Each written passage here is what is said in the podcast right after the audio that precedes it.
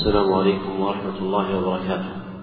الحمد لله رب العالمين رب السماوات ورب الأرض رب العرش العظيم وأشهد أن لا إله إلا الله وحده لا شريك له وأشهد أن محمدا عبده ورسوله صلى الله عليه وعلى آله وصحبه وسلم تسليما مزيدا.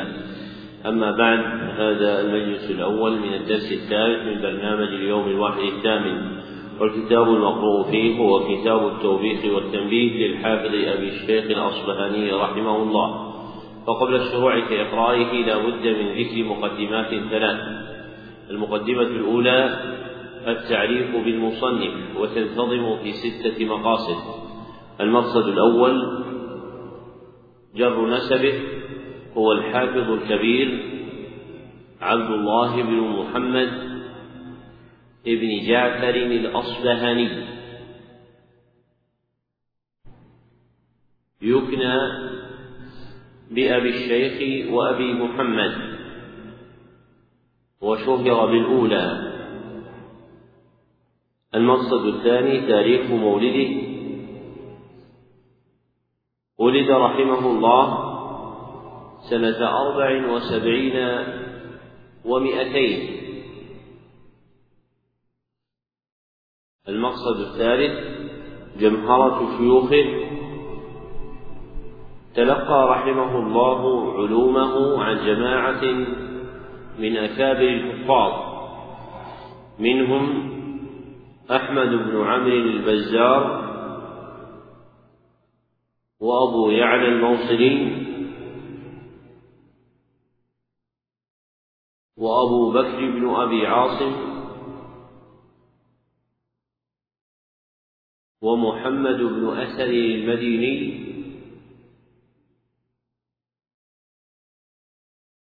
وأحمد بن محمد الخزاعي.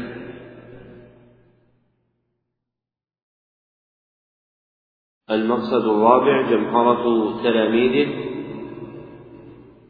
روى عنه رحمه الله تعالى جم من أهل أصبهان وغيرهم. فإنه عمر وصار مقصودا للرحلة ورواية الحديث. فممن روى عنه أبو بكر بن مردويه هو أبو سعد المالكي وأبو نعيم الأصبهاني وأبو سعيد النقاش. المقصد الخامس ثبت مصنفاته. له رحمه الله كتب عدة في علوم الرواية والرجال. منها طبقات الأصبهانيين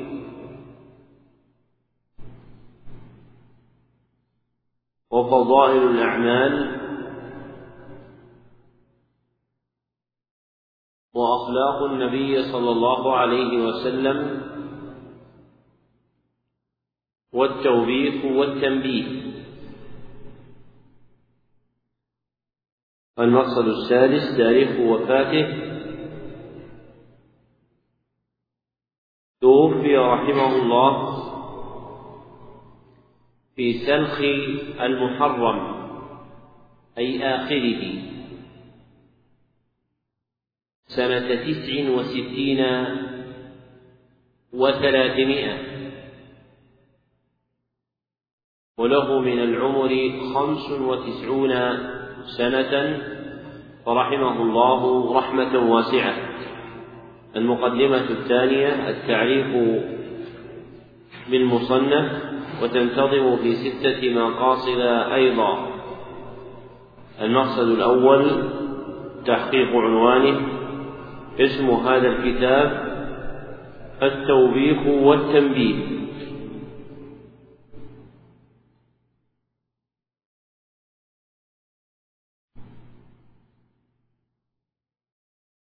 المقصد الثاني إثبات نسبته إليه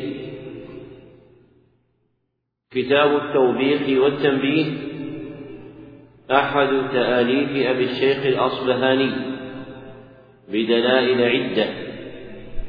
منها ثبوت اسمه على طرة الكتاب في نسخته الخطية.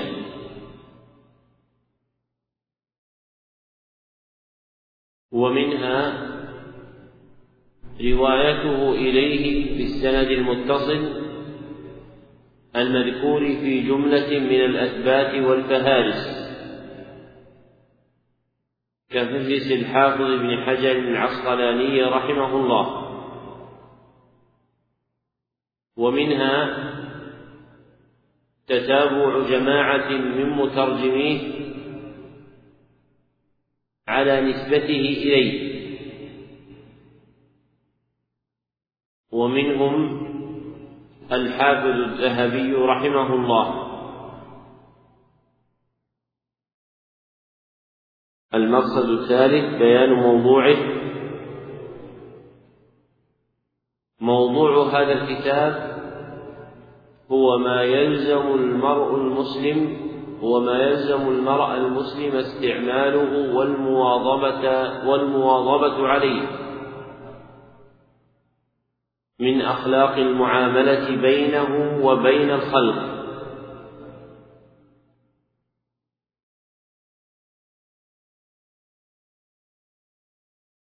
المقصد الرابع ذكر رتبته للمحدثين عناية فائقة ببيان الأخلاق والآداب التي جاءت الشريعة بها. فقد صنف فيها البخاري كتابه المعروف الأدب المفرد وصنف فيها البيهقي كتاب الآداب وكتاب أبي الشيخ الأصبهاني كتاب متوسط بين هذين الكتابين المعروفين.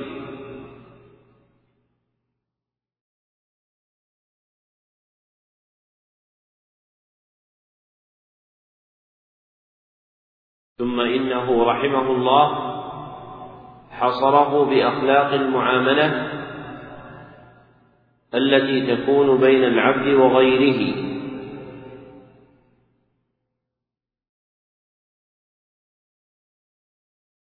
والتخصيص يؤذن بالأهمية فما أفرد في شيء قدم على غيره. المقصد الخامس توضيح منهجه. جرى أبو الشيخ الأصبهاني رحمه الله تعالى في كتابه هذا على طريقة أهل الحديث والأثر. الذين يوردون في أبواب العلم المرويات مسندة فملأه بالأحاديث والآثار مروية بإسناده إلى قائليها.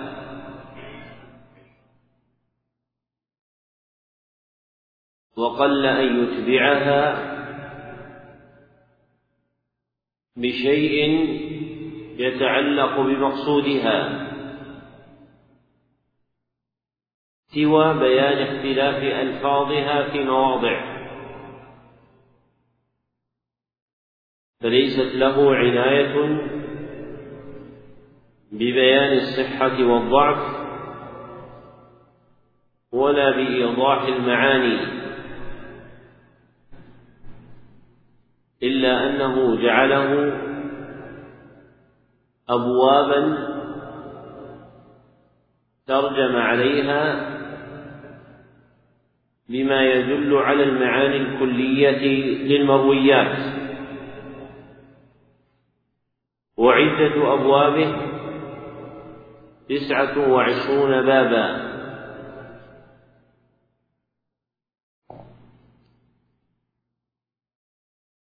إلا أن النسخة التي بأيدينا من الكتاب ناقصة فهي تمثل الجزء الأول من كتاب التوبيخ والتنبيه. وبقيت أبواب أخرى في الجزء الثاني منه وهو مما لم يوجد بعد. المقصد السادس العناية به. لم تتجاوز العناية بهذا الكتاب سوى نشره مرتين في طبعتين مختلفتين.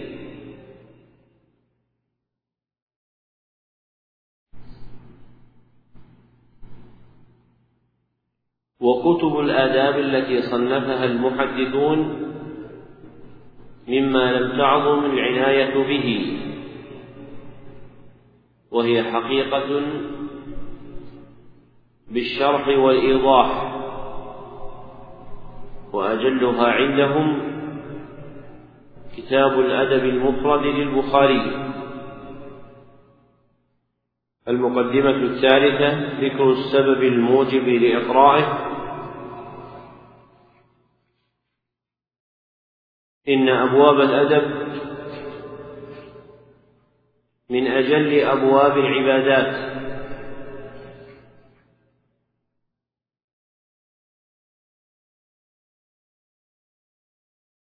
وهو أحد المقاصد التي جاءت بها الشريعة. ومن رزق الأدب رزق الخير. ومن حرمه حرم الخير. وكتاب أبي الشيخ الأصبهاني مصنف لهذه الغاية. فإنه سماه التوبيخ والتنبيه أي التوبيخ على ما يذم تركه والتنبيه إلى ما يلزم الاقتداء إلى ما يلزم الاقتداء به.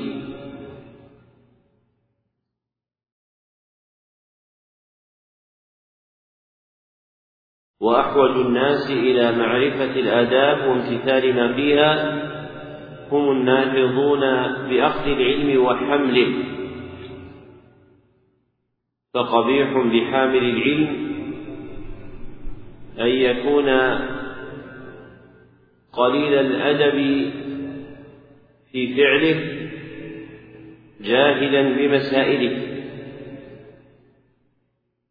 وإن علمه بها معين على امتثاله لها. نعم.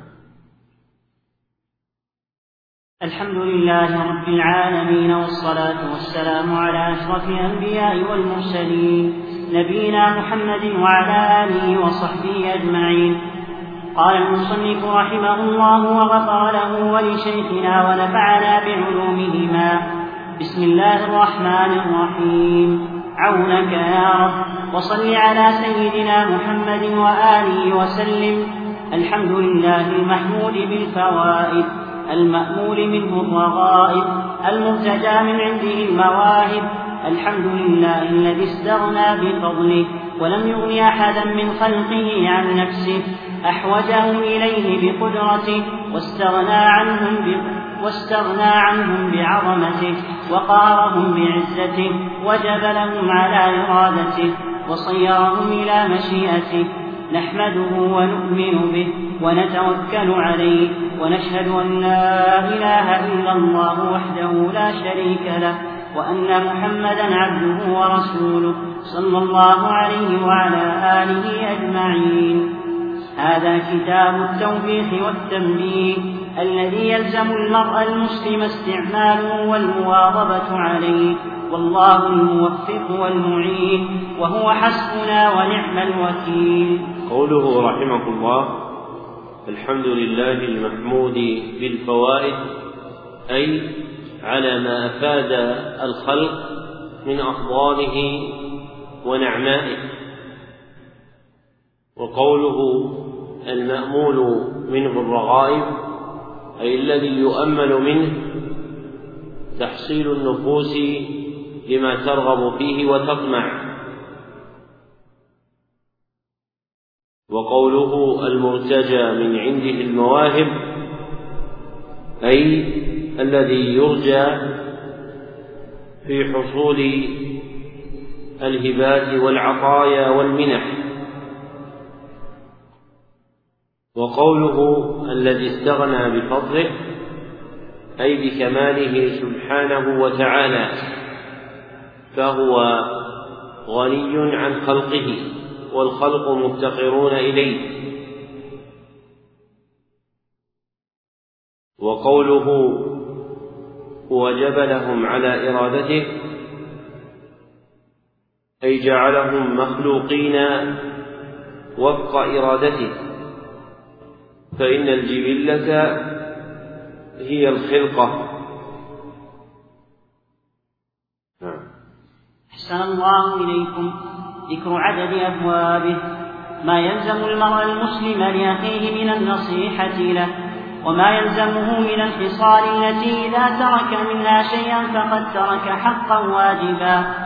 وما أمر به المؤمنون أن يستعملوه في ترك التقاطع والتدابر والتحاسد. وما وما أمر به في ترك غيبة أخيه واتباع عورته.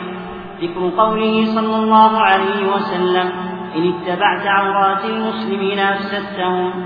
النهي عن كشف عورات المسلمين. أمر النبي صلى الله عليه وسلم لا تبلغوني عن أصحابي إلا خيرا. والأمر بحسن الظن بالمسلمين. ذكر قوله صلى الله عليه وسلم أبغض الرجال إلى الله الذي يقتدي بسيئات المؤمن ويدع حسنته وما ذكر في الرياء وعقوبة المرائين وما روي في قوله عز وجل الخبيثات للخبيثين النهي عن الغيبة وما جاء فيه صفة الغيبة. وذكر ما أعد الله عز وجل لأهل الغيبة كفارة الغيبة وما أعد الله عز وجل لمن ذب عن أخيه بظهر الغيب. ذكر البهتان وما جاء فيه النهي عن تكفير المسلم وما جاء فيه وقوله سباب المسلم فسق. النهي عن لعن المسلم أخاه وما روي في ذلك وما يجب استعماله في أخيه. النهي عن روعة أخيه المسلم. ذكر المسلم وأنه من سلم المسلمون من لسانه ويده. النهي عن الاستطالة في عرض المرء المسلم. ذكر النميمة وما جاء فيه ما روي فيه للوجهين ذكر الحديث بين المسلمين وأنه أمانة. ذكر من سمع لحديث قوم وهم له كارهون. ذكر العجب والتكبر وما روي فيه والتواضع وما روي فيه. ما ذكر في هذا المسلم وما روي فيه. ما ذكر في الكذب وما جاء فيه. ذكر المصنف رحمه الله تعالى مدونة جامعة بين يدي كتابه نظم فيها أبوابه وهي شبيهة بالكشاف الذي يجعل للدلالة على موضوعات الكتاب مما يسمى بالفهرس. والعرف الجاري عند من سلف من علماء الأمة الإسلامية تقديم هذا الكشاف في صدر الكتاب. ثم توافى المتأخرون على جعله في آخره أحسن الله إليكم باب ذكر باب ذكر ما يلزم المسلم لأخيه المسلم من النصيحة والشفقة عليه. قوله رحمه الله ذكر ما يلزم المسلم اللازم يراد به المطلوب والطلب متردد بين الإيجاب والنفل فهو يذكر في هذه الترجمة ما يطلب من العبد المسلم إما طلب إيجاب وإما طلب نفل أن يتمثل به في القيام بالنصيحة لأخيه المسلم والشفقة عليه. فاللزوم عبارة موضوعة للدلالة على الطلب وهي مترددة بين الطلب الإيجابي والطلب النفري أحسن الله إليكم. حدثنا إبراهيم بن محمد بن الحارث قال حدثنا شيبان بن فروخ قال حدثنا عكرمة بن إبراهيم قال حدثنا عاصم عن شقيق عن جرير بن عبد الله قال رأيت رسول الله صلى الله عليه وسلم فبايعني وقال تعبد الله ولا تشرك به شيئا وتقيم الصلاة وتؤتي الزكاة وتنصح المسلمين وتفارق المشرك. هذا الحديث رواه أحمد من وجه آخر عن عاصم بن بهدلة وهو حسن الحديث. إلا أن حديث جرير هذا خلط فيه الرواة وزادوا فيه ألفاظا لا تحفظ ومنه هذه الرواية بهذا التمام. فإن المحفوظ منه ما في الصحيحين. قال بايعت رسول الله صلى الله عليه وسلم على السمع والطاعة فلقنني فيما استطعت والنصح لكل مسلم. أما الألفاظ الزائدة على هذه الجملة فقد جاءت من رواية الصدوقين والضعفاء فهي زيادات ضعيفة لا تثبت. والمقصود الذي ترجم له المصنف في هذه الجملة وهو وتنصح المسلمين محفوظ في الرواية الصحيحة المذكورة في الصحيحين. فمن حق المسلم أن ينصح له أخوه. والنصيحة شرعا هي قيام الناصح بما للمنصوح من حق. فكل من درج في جملة حقوقه فقيام العبد بها من جملة النصيحة له.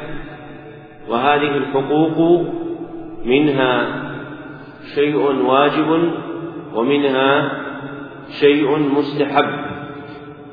وطريق معرفتها هو النقل المحض أو العرف الواقع فإن المعاملات التي تكون بين الناس منها ما جاء الشرع ببيان أحكامه ومنها ما وكله الله سبحانه وتعالى إلى عرف الخلق لأن الأعراف تتغير وتتبدل بحسب الأمكنة والأزمنة فمن حكمة الشريعة عدم قصر الحق على مجرد الخطاب الشرعي بالنص بل كل ما حكم العرف بكونه حقا كان من جملة نصح المسلم للمسلم قيامه به.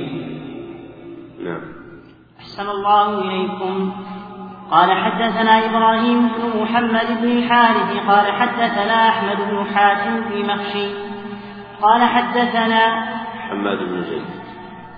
قال حدثنا حماد بن زيد عن سهيل بن أبي صالح عن أبيه عن أبي هريرة رفعه قال الدين النصيحة لله ولكتابه ولرسوله ولأئمة المسلمين ولعامتهم. ذكر المصنف رحمه الله تعالى حديثا آخر من أحاديث النصيحة من رواية أبي هريرة رضي الله عنه. وهذا الحديث وإن كان رجاله ثقات إلا أنه غلط. فإن الحديث معروف من رواية سهيل بن أبي صالح عن عطاء بن يزيد عن تميم الداري فأخطأ فيه الرواة وجعلوه من رواية سهيل بن أبي صالح عن أبيه عن أبي هريرة. وهذا الغلط يسمى عند المحدثين في العلل بلزوم الجادة فإن سهيلا يروي كثيرا من حديثه عن أبيه عن أبي هريرة.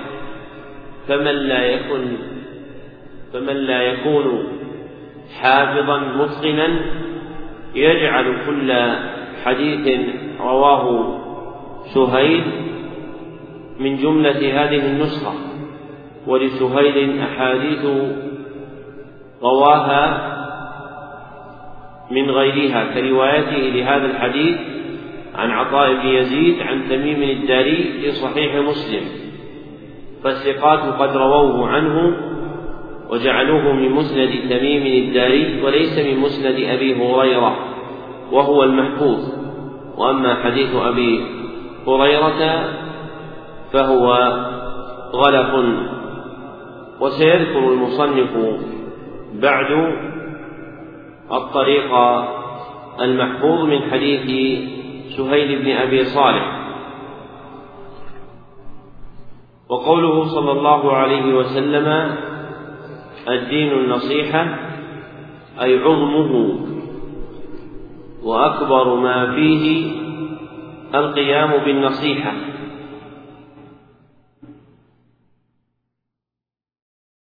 وفي هذا بيان عظم قدر النصيحة وعلو مقامها في الدين.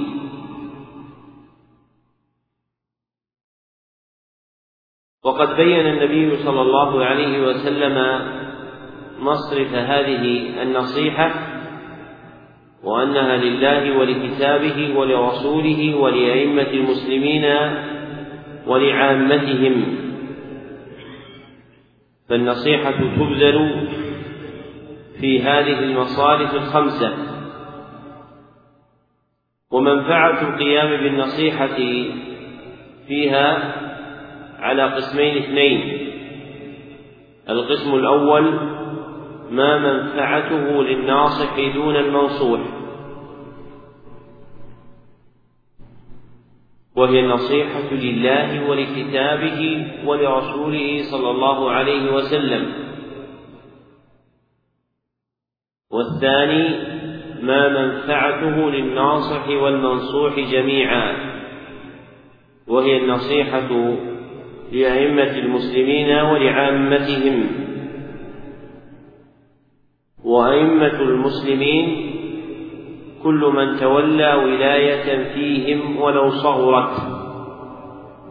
فمن تقلد شيئا من الولايات التي تتعلق بتدبير أحوال الخلق فهو داخل في اسم أئمة المسلمين. ويشمل ذلك الإمام الأعظم وهو السلطان المتولي فمن دونه. وأما عامتهم فهم آحاد المسلمين ممن لا ولاية له. نعم. أحسن الله إليكم. قال حدثنا إبراهيم بن محمد قال حدثنا أحمد بن حاتم قال حدثنا سفيان بن عيينة عن سهيل بن أبي صالح أنه سمع عطاء بن يزيد عن تميم الداري أن النبي صلى الله عليه وسلم قال الدين النصيحة ثلاث مرات لله ولرسوله ولكتابه ولأئمة المؤمنين وعامتهم.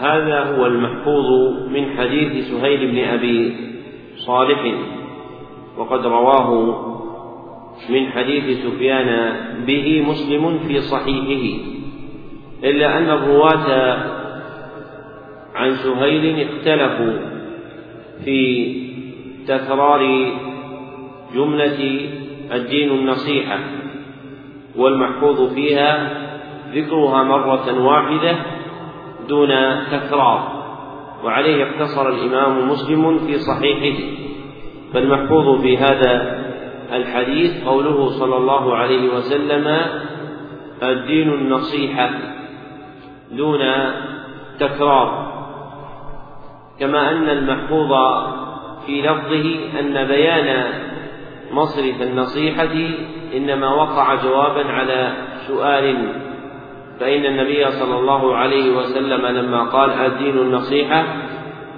قالوا لمن يا رسول الله؟ فقال لله ولرسوله ولكتابه. ثم غلط بعض الرواة فجعل الحديث في سياق واحد. وهذه التدقيقات عند المحدثين مما يعل به الخبر. وأما من ليس الحديث صناعته فإنه يرى أن السياق صحيح ويكتفي بذلك. وأما المحدثون فإنهم يلاحظون الصواب في الإسناد والمتن فينبهون عليه كما تقدم في حديث سهيل بن أبي صالح عن أبيه عن أبي هريرة. فإن من الناس من يجري على ظاهر الإسناد ويجعله صحيحا. وأما العارفون بعلل الحديث فإنهم لا يصححونه. ويجعلونه غلطا وهو الصواب كما تقدم.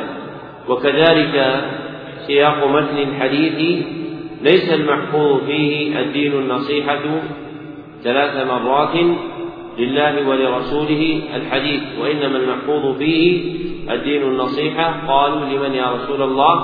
قال لله ولرسوله ولكتابه ولأئمة المسلمين وعامتهم. وقد أشار ابن دقيق العيد في كتاب الاقتراح وتبعه غيره أن هذا يكون صحيحا على طريقة الفقهاء دون المحدثين.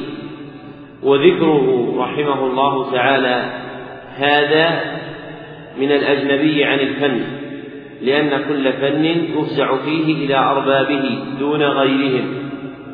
فالفقهاء لا صنعة لهم في الحديث إلا من كان عارفا به بكمال علمه. وأما أن يتكلم الفقيه بقواعده في الحديث فلا يعول عليه.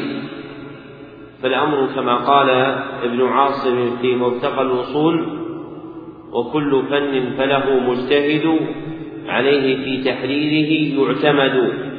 فهو قواعد الحديث وعلله, وعلله يفزع فيها إلى دهاقنته وجهابذته من الحفاظ المحدثين. نعم. أحسن الله إليكم. قال حدثنا علي بن رستم قال حدثنا محمد بن جبر. قال حدثنا يحيى. قال حدثنا سفيان الثوري عن سهيل بإسناده مثله. حدثنا عبدان قال قال حدثنا عثمان بن أبي شيبة قال حدثنا جرير عن مغيرة عن أبي وائل والشعبي قال قال جرير أتيت النبي صلى الله عليه وسلم فقلت له أبايعك على السمع والطاعة فبايعني على النصح للمسلمين. تقدم أن هذا هو المحفوظ في لفظ حديث جرير. فليس فيه إلا البيعة على السمع والطاعة والنصح على والنصح للمسلمين وهو اللفظ المخرج في الصحيحين. نعم. صلى الله إليكم. قال رحمه الله أخبرنا عبد الرحمن بن محمد بن حماد. قال حدثنا عبد الجبار بن العلاء. قال حدثنا سفيان. قال قلت لسهيل بن أبي صالح أرأيت حديثا حدثناه عمرو عن القعقاع عن أبيك سمعته؟ فقال حدثني الذي سمعه منه قال حدث فقال حدثني الذي سمعه أبي منه سمعت عطاء بن يزيد صديق لأبي من أهل الشام يحدث عن تميم الداري قال قال رسول الله صلى الله عليه وسلم الدين النصيحة الدين النصيحة. فقال رجل لمن يا رسول الله؟ قال لله ولكتابه ولنبيه ولأئمة المؤمنين وعامتهم.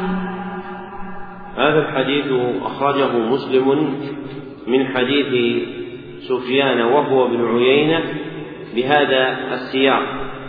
ومعنى قول سفيان لسهيل بن أبي صالح أرأيت حديثا حدثناه عمرو يعني ابن دينار عن القعقاع وهو ابن حكيم عن أبيك. سمعته؟ أي أسمعته من أبيك. فأراد سفيان بن عيينة أن يطلب العلو في الرواية. فإن سفيان يروي هذا الحديث عن عمرو عن القعقاع عن أبي صالح. فرجى أن يكون سهيل سمعه من أبيه فيرويه عن سهيل عن أبيه.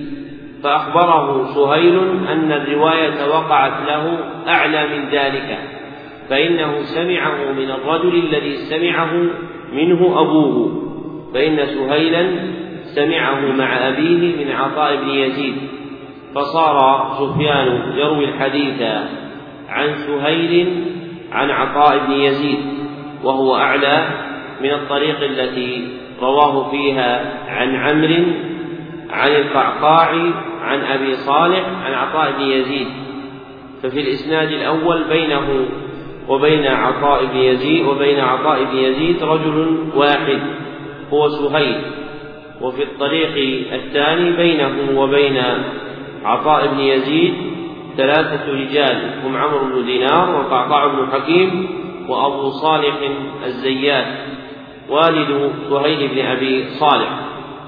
وأهل الحديث رحمهم الله تعالى يجعلون طلب العلو قربة إلى الله سبحانه وتعالى وشرفا بالقرب من النبي صلى الله عليه وسلم فأن يكون بين العبد وبين النبي صلى الله عليه وسلم واحد أحب إليه من أن يكون بينه وبين النبي صلى الله عليه وسلم اثنان.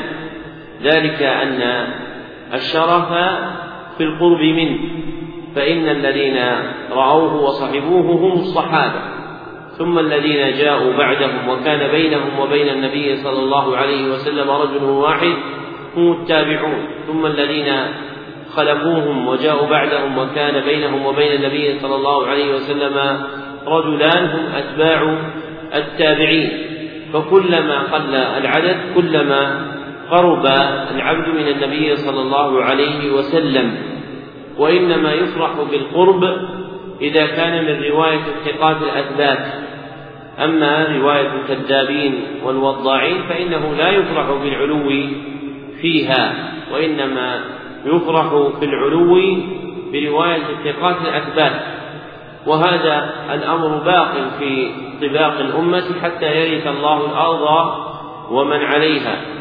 لما رواه أبو داود بسند قوي من حديث ابن عباس رضي الله عنهما أن النبي صلى الله عليه وسلم قال تسمعون ويسمع منكم ويسمع ممن سمع منكم فأخذ العلم بالسماع في الرواية باق في الأمة شرفا لها حتى يرث الله الأرض ومن عليها.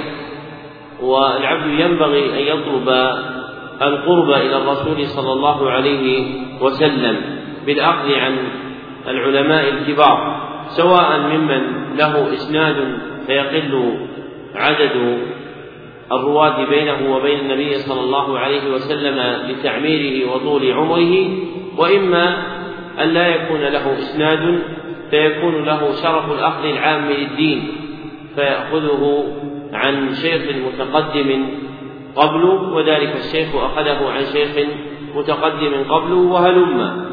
فإن الآخذ مثلا في هذه الطبقة عن أصحاب العلامة محمد بن إبراهيم أولى ممن يأخذ عن أصحاب العلامة عبد العزيز بن باز سواء كان لهؤلاء إسناد أم لم يكن لهم إسناد لأن الأول أقدم.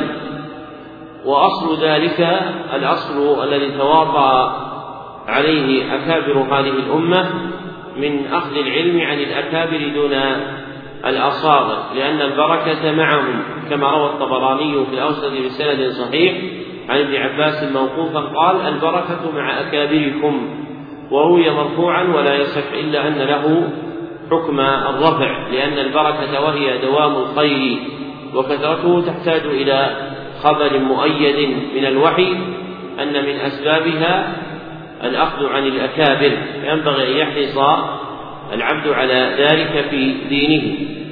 وهذا الحديث من رواية تميم الداري هو في مسلم كما سبق والمحفوظ فيه قول الدين النصيحة مرة واحدة. فقد روي فيه تكراره مرتين وثلاثا إلا أن المحفوظ هو إفراده مرة واحدة. والمحفوظ فيه أيضا ولأئمة المسلمين دون المؤمنين. أحسن الله إليكم. قال رحمه الله حدثنا الفريابي قال حدثنا محمد بن عباد قال حدثنا حاتم عن ابن عجلان عن القعقاع وزيد بن أسلم وعبيد الله بن مقسم كلهم يذكره عن أبي صالح عن أبي هريرة قال قال رسول الله قال قال رسول الله صلى الله عليه وسلم الدين النصيحة. قالوا لمن؟ قال لله ولكتابه ولنبيه ولأئمة المسلمين وعامتهم. هذا الحديث رواه الترمذي والنسائي من حديث محمد بن عجلان به. وهذا الحديث لا يصح من مسند أبي هريرة. وقد غلط فيه محمد بن عجلان فإن المحفوظ من حديث أبي صالح الزيات والد سهيل روايته هذا الحديث عن عطاء بن يزيد عن تميم الداري وليس من روايته عن أبي هريرة رضي الله عنه فهذا الإسناد غلط ولا يثبت من مسند أبي هريرة بل خلق فيه الرواة إما بروايته عن سهيل بن أبي صالح عن أبيه عن أبي هريرة وإما بروايته عن القعقاع وزيد بن أسلم وعبيد الله بن مقسم عن أبي صالح عن أبي هريرة. نعم. الله إليكم. قال رحمه الله حدثنا أبو يحيى الرازي. قال حدثنا سهل بن عثمان. قال حدثنا حفص بن غياث عن هشام بن سعد عن نافع عن ابن عمر. قال قال رسول الله صلى الله عليه وسلم الدين النصيحة ثلاث مرات. قيل يا رسول الله لمن؟ قال لله ولكتابه ولأئمة المسلمين وعامتهم.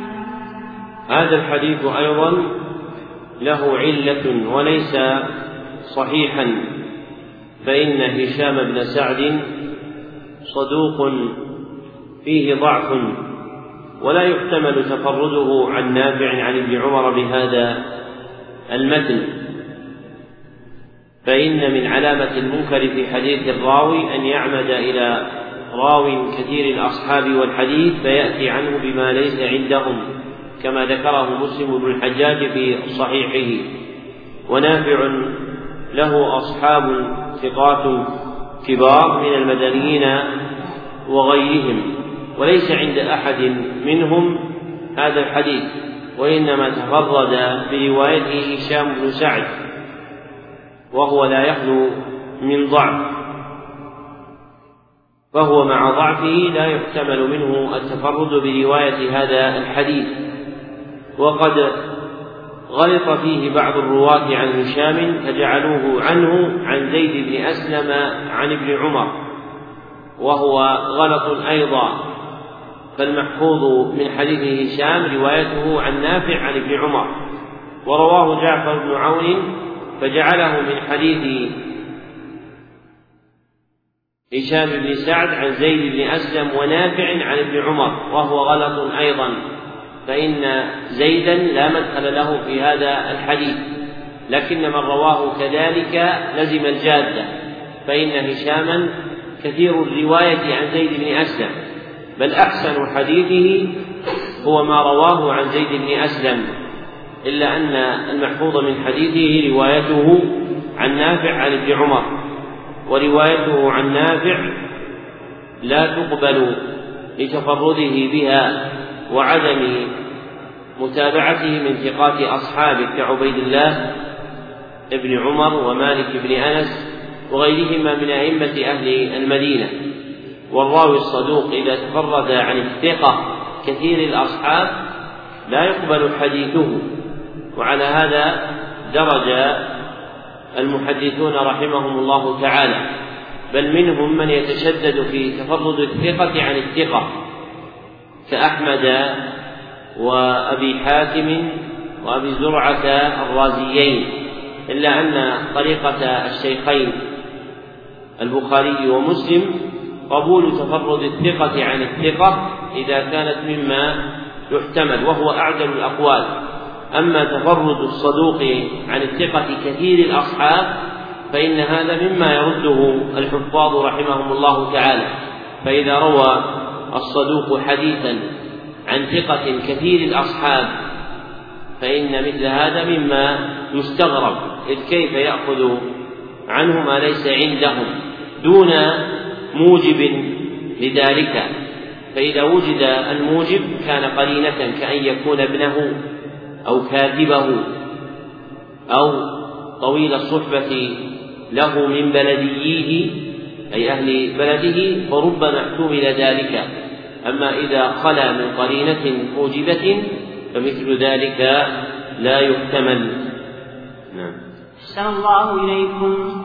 قال رحمه الله حدثنا عبد الرحمن بن الحسن قال حدثنا أبو شيبان قال حدثنا محمد بن محبب قال حدثنا هشام بن سعد عن نافع عن ابن عمر قال قال رسول الله صلى الله عليه وسلم الدين النصيحة. ورواه أبو معمر ورواه أبو معمر القطيعي عن حفص بن غياث عن هشام عن زيد بن أسلم عن ابن عمر عن النبي صلى الله عليه وسلم مثله.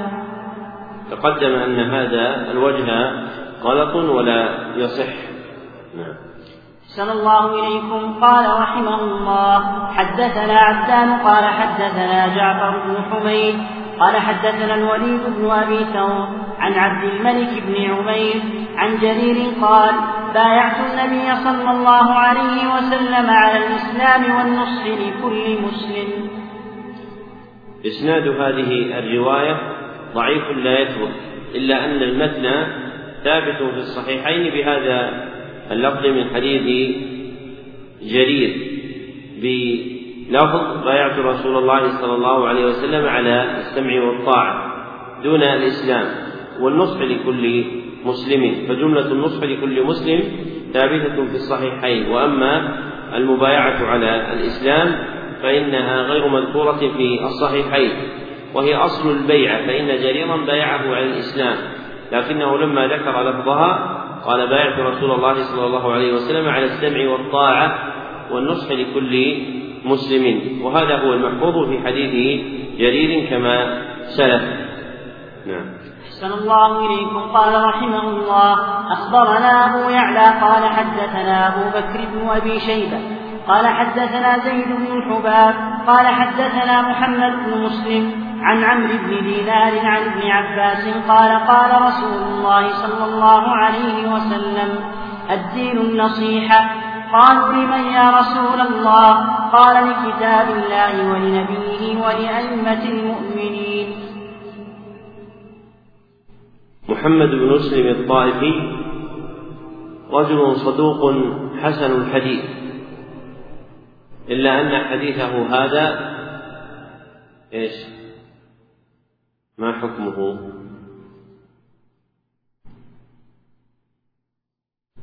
أين؟ لماذا؟ وغير هذا. تقدم عندنا من حديث عمرو عن من؟ سفيان رواه عن عمرو عن عن القعقاع بن حكيم. ما تقدم عندنا لما قال سفيان سهيل حديث رويته عن عمرو عن عن القعقاع عن أبيه. فيكون عمرو رواه عن من؟ الجواب رواه عن القعقاع بن حكيم. فتكون هذه الرواية إيش؟ تكون غلطا سواء قلنا منكرة أو شاذة. فإن حفاظ الأوائل لا يفرقون بين لفظ النكرة والشذوذ. والمقصود أن هذا الإسناد ضعيف. فإن محمدا ابن مسلم فإن محمد بن مسلم أخطأ في روايته عن عمر عن ابن عباس. وإنما هو من رواية الثقات من أصحاب عمر سفيان بن عيينة عن القعقاع عن أبي صالح عن تميم الداري. وهذا الحديث قد خلط فيه الرواة على الوجوه التي تقدمت فجعله تارة من رواية أبي هريرة وتارة من رواية ابن عباس وتارة من رواية ابن عمر. وكلها غير محفوظة وإنما المحفوظ هو حديث تميم الداري. وهو صحيح وأخرجه مسلم دون غيره وبه تعلم شفوف نظر الإمام مسلم رحمه الله في اختصاره على الحديث من رواية تميم مع أن نسخة سهيل بن أبي صالح عن أبيه عن أبي هريرة مما ملأ مسلم صحيحه بها فهو يرويها عن جماعة عن أصحاب سهيل به. ومع ذلك فقد تجافى مسلم رواية هذا الحديث من حديث سهيل بن أبي صالح عن أبيه عن أبي هريرة وخرجه من الوجه الآخر من حديث سهيل بن أبي صالح عن عطاء بن يزيد عن تميم الداري في القصة التي وقعت له مع سفيان بن عيينة وهذا هو المحفوظ دون غيره من طرق الحديث وتقدم بيان معنى الحديث. نعم. أحسن الله إليكم. قال رحمه الله حدثنا محمد بن إبراهيم بن داود. قال حدثنا النوفلي بحلب. قال حدثنا عبيد الله بن الصلت الحلبي. قال حدثنا علي بن الحسن السامي. قال حدثنا خليل بن دعلج وسعيد بن أبي عروبة عن قتادة عن أنس بن مالك. قال قال رسول الله صلى الله عليه وسلم المؤمنون بعضهم لبعض نصحة وآدون وإن بعدت منازلهم وأبدانهم والفجرة بعضهم لبعض غششة متخاونون وإن اقتربت منازلهم وأبدانهم. هذا الحديث رواه ابن عدي في الكامل وهو شديد الضعف ومعنى قوله وادون أي بينهم مودة والمودة خالص المحبة. ويغني عن هذا قول الله تعالى والمؤمنون والمؤمنات بعضهم أولياء بعض. فإن مضمن الولاية بين المؤمنين القيام بالنصيحة وصدق المحبة بخلاف غيرهم. وما يذكر من القرآن في مثل هذه المواضع يراد به الاستغناء به دون تقوية الحديث به. وأما طريقة جماعة من المتأخرين كأبي الفرج بن الجوزي وغيره من تقوية المرفوعات بالآيات القرآنية فهي غلط لأن باب الرواية في الحديث عن النبي صلى الله عليه وسلم والقرآن كلام الله سبحانه وتعالى. فلا يقوى هذا بهذا من جهة ثبوت الرواية وإنما يقوى هذا بهذا من جهة ثبوت الدراية أي المعنى.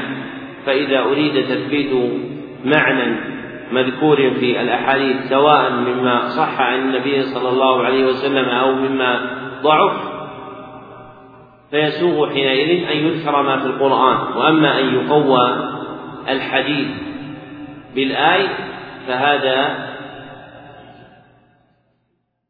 من طريقة بعض متأخر المحدثين كأبي الفرج بن الجوزي فإنه قوى زيادة وإذا قرأ فأنصتوا بقول الله تعالى وإذا قرئ القرآن فاستمعوا له وأنصتوا لعلكم ترحمون. نعم. أحسن الله إليكم. قال رحمه الله حدثنا محمد بن أحمد بن معدان. قال حدثنا محمد بن سعيد بن عبد الملك الدمشقي. قال حدثنا الوليد بن مسلم. قال حدثنا عثمان بن أبي العاتكة عن علي بن يزيد عن القاسم عن أبي أمامة. قال قال رسول الله صلى الله عليه وسلم إن الله تعالى يقول أحب عبادة عبدي إلي النصيحة. هذا الحديث رواه أحمد من وجه آخر عن علي بن يزيد الألهاني عن القاسم بن عبد الرحمن الشامي عن أبي أمامة. وهذه النسخة نسخة مشهورة تروى بها أحاديث كثيرة وإسنادها ضعيف جدا لوهاء علي بن يزيد الأنهاني وقد حمل ابن حبان على القاسم بن عبد الرحمن بجناية علي والقاسم بن عبد الرحمن حسن الحديث من رواية الثقات عنه.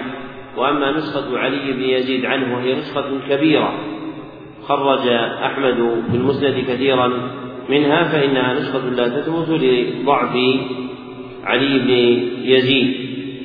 وهذا الحديث حينئذ ضعيف جدا. لأنه من جملة هذه النسخة. وهذا الحديث الإلهي في تعظيم النصيحة يغني عنه ما تقدم في حديث تميم الدين النصيحة. نعم. أحسن الله إليكم. قال رحمه الله حدثنا جعفر بن شريف قال حدثنا نويل قال حدثنا حزم بن القطعي قال سمعت الحسن قال والذي نفس محمد صلى الله عليه وسلم بيده لئن شئتم لأقسمن لكم. إن أحب عباد الله إلى الله الذين يحببون الله إلى عباده ويحببون عباد الله إلى الله ويمشون في الأرض بالنصيحة. هذا الحديث إسناده صحيح إلا أنه مرسل. والوين لقب وهو محمد بن سليمان المصيصي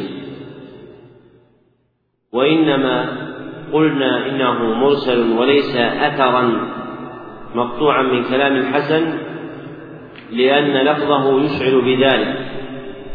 وهذا يفعله جماعة من أهل البصرة منهم محمد بن سيرين والحسن البصري فإنهم يحدثون بمراسيل ولا يذكرون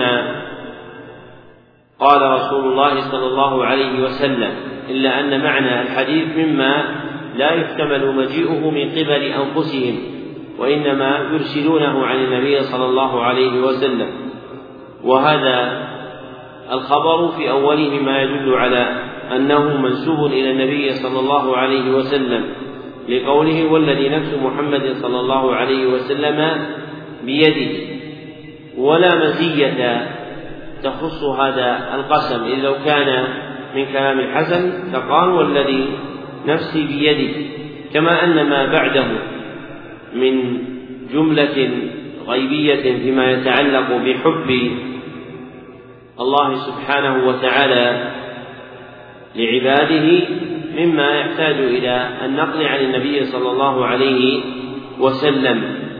فهذا الأثر وإن كانت صورته أنه من كلام حسن إلا الحسن إلا أن حقيقته ليست من ذلك فهو من المراسيل البصرية التي لا يذكر فيها الرسول صلى الله عليه وسلم.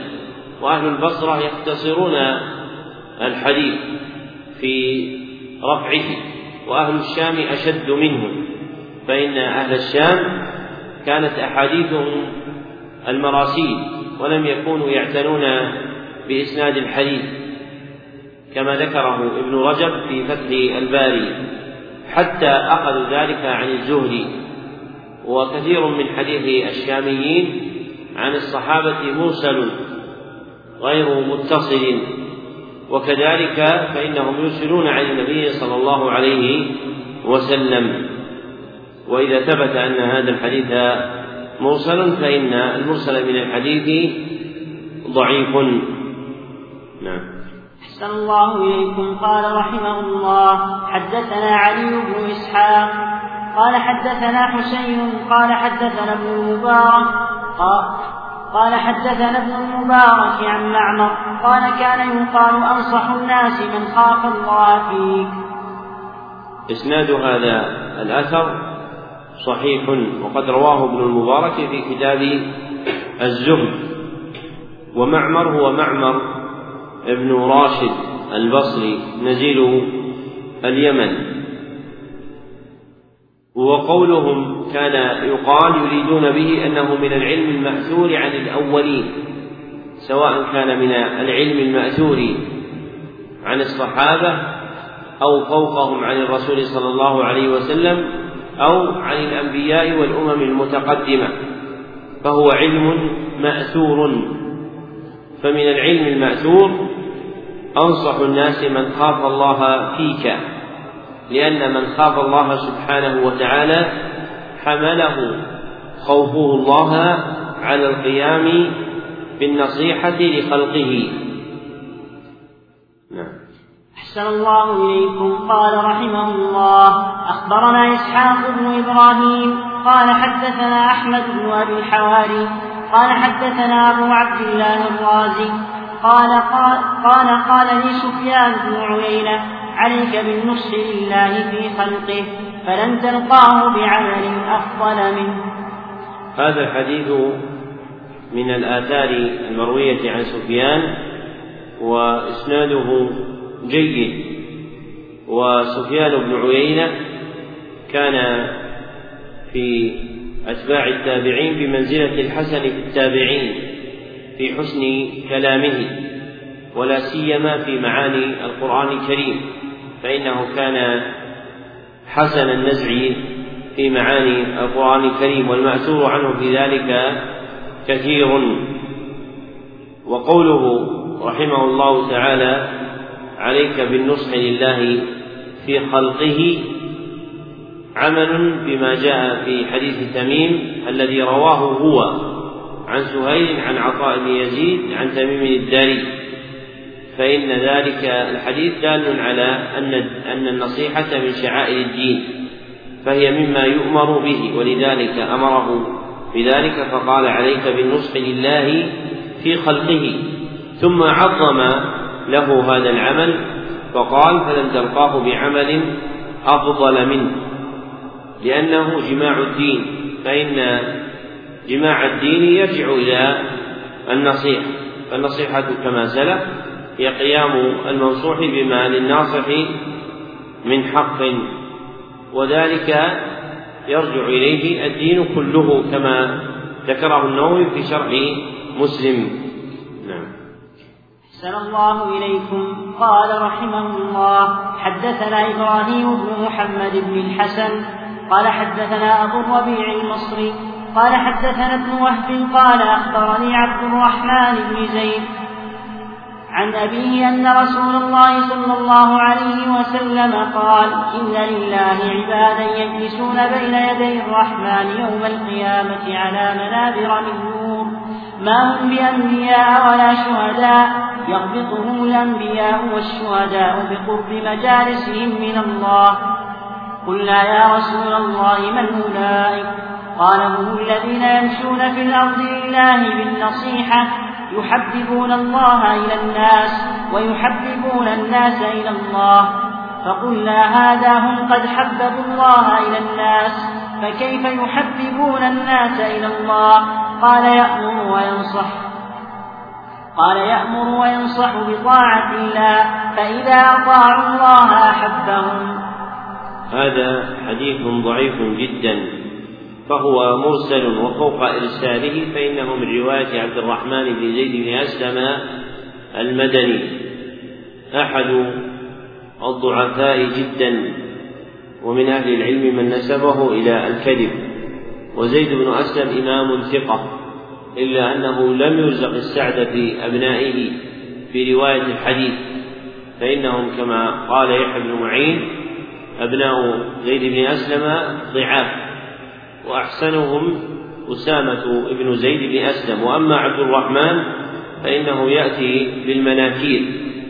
وهذه النسخة ابن وهب عن عبد الرحمن بن زيد عن أبيه نسخة مشهورة في التفسير وقد قبلوها في التفسير لأن المذكور فيها يتعلق بتفسير كلام الله من كلام زيد أو كلام ابنه عبد الرحمن وكلاهما له إمامة في التفسير. وأما في الحديث فإن عبد الرحمن كان ممن يغلط كثيرا ونسب إلى الكذب وحديثه شديد الضعف. وأما النسخة التفسيرية التي رواها كثيرا ابن جرير الطبري من رواية عبد الله بن وهب عن عبد الرحمن بن زيد عن أبيه فإنها مقبولة عند المفسرين وأكثرها مما يرجع إلى معاني الكلام عند العرب. ومن المعلوم أن الراوي قد يكون ضعيفا واهيا في الحديث مقدما مهتما به في غيره. ومن ذلك حفص بن سليمان الكوفي فإنه شديد الضعف في الحديث وإمام مقبول القراءة عند القراء. ومثله أيضا محمد بن إسحاق ابن يسار المطلبي فإن حديثه وسط عند المحدثين وتفرده لا يقبل. وقد غلط في أحاديث كثيرة. وأما في المغازي فهو إمام تؤخذ عنه ومثلهما محمد بن عبد الرحمن ابن أبي ليلى الكوفي فإنه فقيه مقدم في الفقه. وأما في الحديث فإنه ضعيف الحديث. فالعالم قد تكون له إمامة ورئاسة في علم ما وأما في الحديث فيكون ضعيفا. لأن عنايته بذلك العلم أوقعته في الغلط في الحديث. ومن الناس من يرزقه الله الإمامة في علم أو أكثر. فإن من الحفاظ المقتدى بهم من عود عليه في علم برأسه. وكثير من أئمة الحديث مثلا ممن تتصل بهم أسانيد القراءة كأبي عبد الرحمن النسائي والدار قطني. بل إن الدار قطني هو أول من جمع أصول القراءات ثم اقتدى به المصنفون فيها. نعم. أحسن الله إليكم قال رحمه الله باب ما يلزم المسلم لأخيه من الخصال التي إذا ترك شيئا منها فقد ترك حقا واجبا. تقدم أن اللزوم دال على الطلب وهو متردد بين الإيجاب والنفل الذي يسميه الأصوليون بالاستحباب والمقصود بالخصال أي الصفات والخلال والأعمال. والحق الواجب هو الحق اللازم وقد يراد به وجهه فيكون واجبا لازما للعبد وقد لا يراد بالوجوب حقيقته المتعارف عليها عند الأصوليين فإن الحق لفظ موضوع للدلالة على الأمر كما ذكره ابن القيم في بدائع الفوائد والصنعاني في شرح منظومته في أصول الفقه إلا أن هذا الأمر قد يكون واجبا وقد يكون مستحبا والأحاديث التي سيذكرها المصنف في هذا الباب مما يتضمن حق المسلم على المسلم كلها مما جرى فيه الخلاف في القول بين الوجوب والاستحباب. فالعلماء مجمعون على أن هذه الخصال مطلوبة إما طلب إيجاب وإما طلب استحباب فخلفهم في قدر الطلب. فمنهم من يقول إنها للوجوب ومنهم من يقول إنها للاستحباب وإذا كان ظاهر اللفظ مرادا فإن أبا الشيخ الأصبهاني ممن يرى أن المذكور ها هنا في الحديث هو من الواجب. وإن كانت بعض جمله قد نقل الإجماع على كونها مستحبة فإن النووي وغيره ذكروا الإجماع على استحباب عيادة المريض وأنها ليست واجبة وإن كان هذا الإجماع متعقب بترجمة البخاري في صحيحه فإن البخاري ترجم ما يدل على قوله بوجوب عيادة المريض. والمقصود أن تعرف أن هذه الخصال المذكورة بعد باسم الحق كلها مما طلب لكن قدر الطلب مما اختلف فيه هل هو قدر طلب إيجابي أم قدر طلب استحبابي؟ فهذه قاعدة كلية في فهم مقادير المسائل المذكورة في الأحاديث المسرودة تحت هذا الباب. نعم. أحسن الله إليكم. قال رحمه الله أخبرنا أحمد بن جعفر الجمال قال حدثنا عبد السلام قال حدثنا عبد السلام بن عاصم قال حدثنا الصباح بن محارب عن أشعث عن سعيد بن ميناء. الصباح. وليس صباح. صباح. الأسماء التي كانت عند من سلف تغيرت عند المتأخرين. فانتبه لا تقرأها بقراءة المتأخرين. فمنها مثلا الصباح فإنه يقال الصباح ولا يقال صباح. ومثلها مثلا طلق فإنه يقرأ بفتح أوله وإسكان ثانية ولا يقرأ على ما درج عليه اللسان المعاصر طلق وهذا يدل على أن أصول الأسماء عند الناس اليوم عربية لكن دخلها التحريف على مثل هذه الأنحاء التي ذكرنا. نعم. أحسن الله إليكم. عن أشعث عن سعيد بن ميناء عن أبي هريرة رضي الله عنه قال قال رسول الله صلى الله عليه وسلم حق المسلم على المسلم خمس إن مرض عاده وإن مات شيع جنازته وإن مر به سلم عليه وإن عطس شمته وإن دعاه ولو إلى ذراع أجابه هذا الحديث رواه الطبراني في الكبير من وجه آخر عن الصباح بن محارب عن أشعث عن سعيد بن ميناء عن أبي هريرة بهذا الحديث. وهو في الصحيحين من حديث أبي هريرة إلا أن جملة ولو إلى ذراع أجابه لا تحفظ في رواية الثقات. وقد رويت من وجه آخر يأتي فيما يستقبل إلا أن محفوظ من رواية الثقات ليس فيه هذه الجملة. وقد ذكر النبي صلى الله عليه وسلم في هذا الحديث جملة من حقوق المسلم على المسلم. منها إن مرض عاده أي زاره حال مرضه وإن مات شيع جنازته أي تبعها كما وقع في رواية أخرى وإن مر به سلم عليه وإن عطس شمته أي قال له يرحمك الله. وإن دعاه أجابه. هذا هو المحفوظ. وأما جملة ولو إلى ذراع أجابه فهي ضعيفة. نعم. أحسن الله إليكم. قال رحمه الله حدثنا محمد بن عبد الرحيم بن شبيب. قال حدثنا الحسن بن عيسى بن ما سرجس قال حدثنا ابن المبارك. قال حدثنا يجوز ما سرجس بفتح الجيم وكسرها نعم.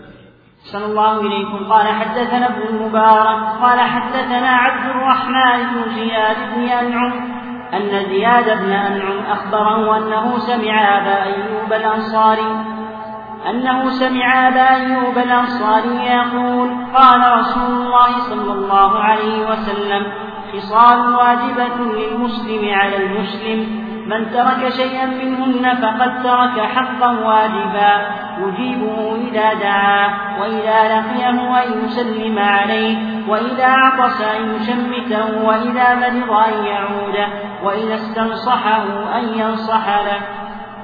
هذا الحديث أخرجه البخاري في الأدب المفرد من حديث عبد الرحمن بن زياد بن أنعم الإفريقي أحد الضعفاء به.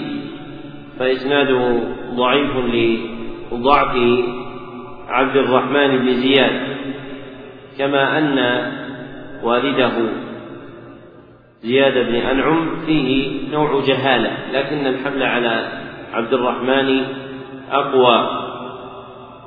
وقوله في هذا الحديث من ترك شيئا منهن فقد ترك حقا واجبا ليس نصا في وجوب المذكورات.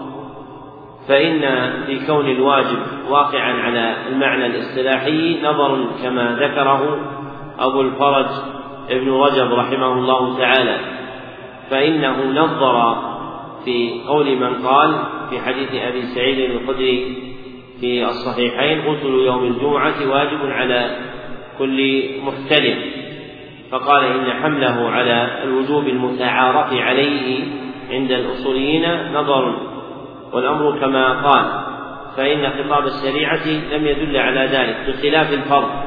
فإن خطاب الشريعة دل على أن الفرض هو المطلوب اللازم لكل أحد مما يؤاخذ العبد على تركه.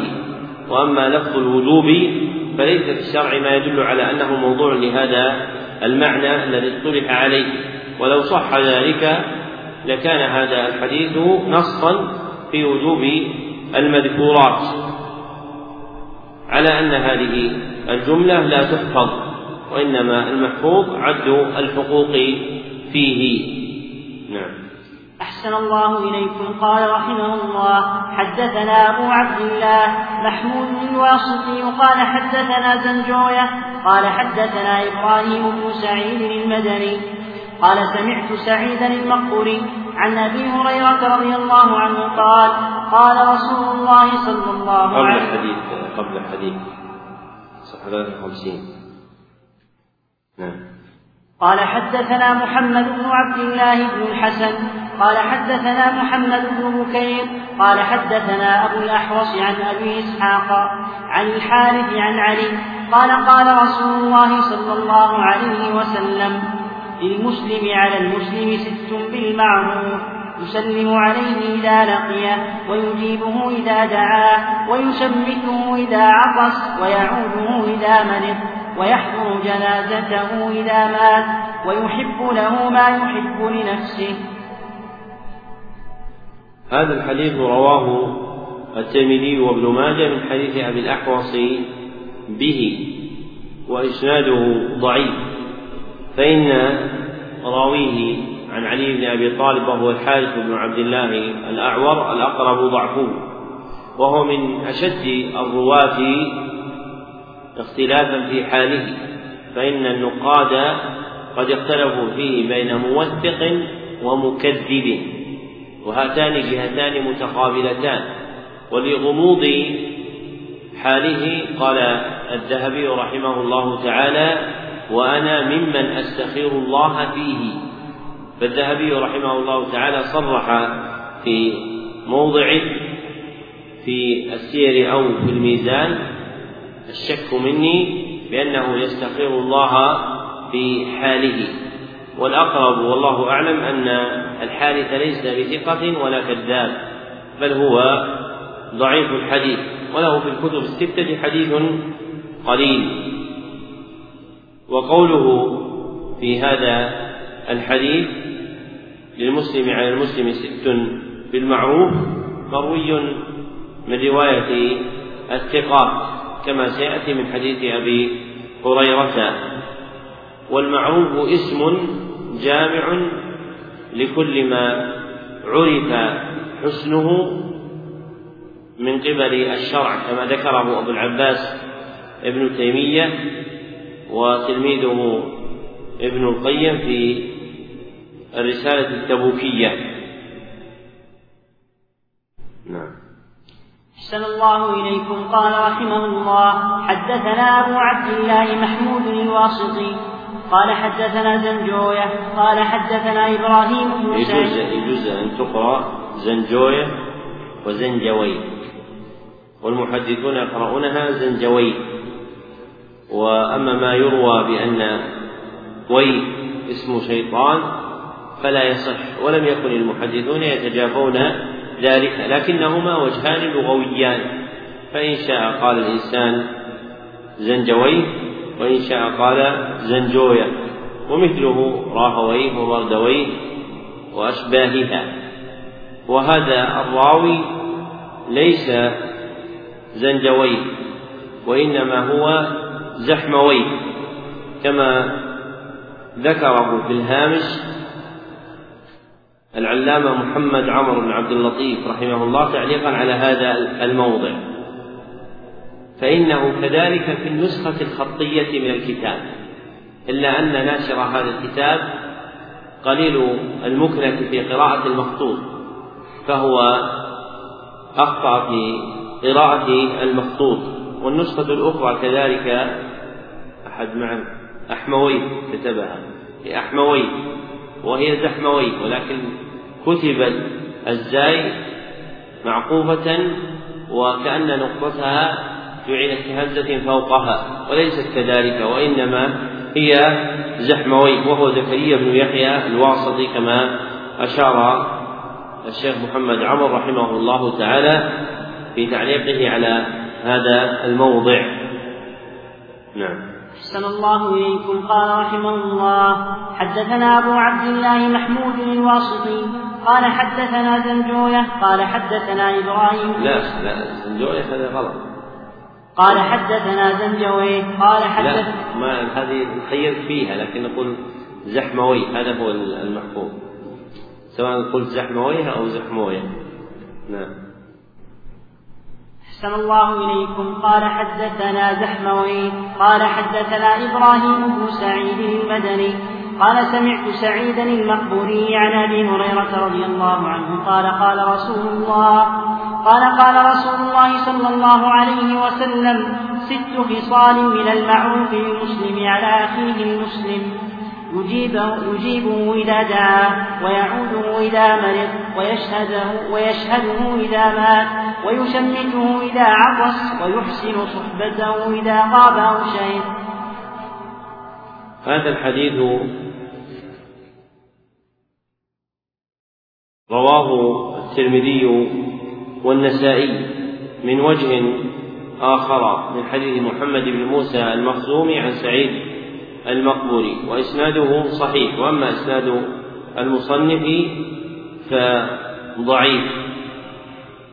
ومعنى قوله ويحسن صحبته إذا غاب أو شهد أي إذا كان معه أو غاب عنه فهو يحفظ ما له من حق في حال الشهود وفي حال الغيبة. نعم. أحسن الله إليكم. قال قال رحمه الله حدثنا أبو بكر الفريابي. قال حدثنا وقد سقطت الخصلة السادسة في سياق الحديث عند المصنف فإن أول الحديث دال على أنها خصال ست والمعدود هنا خمس والخصلة السادسة في حديث الترمذي والنسائي ويسلم عليه إذا لقيه. نعم. أحسن الله إليكم. قال رحمه الله حدثنا أبو بكر الفريابي قال حدثنا أبو مروان العثماني قال حدثنا عبد العزيز بن أبي حازم عن, عن العلاء بن عبد الرحمن عن أبيه عن أبي هريرة رضي الله عنه قال قال رسول الله صلى الله عليه وسلم حق المسلم على المسلم ستة إذا لقيته فسلم عليه. وإذا دعاك فأجب وإذا استنصحك فانصح له وإذا عطس فحمد الله فسمت وإذا مرض فعده وإذا مات فاصحبه. هذا الحديث إسناده صحيح وهو في مسلم من حديث العلاء بن عبد الرحمن بن يعقوب مولى الحرقة عن أبيه عن أبي هريرة. وقوله وإذا عطس فحمد الله فسمته هو بمعنى الرواية الأخرى فشمته وأصل اللفظ بالسين أي ادع له بلزوم السمت الحسن والسمت هو الهدى والطريقة ويجوز أن تبدل السين شينا فيقال فشمته وبهما وقعت الرواية. نعم.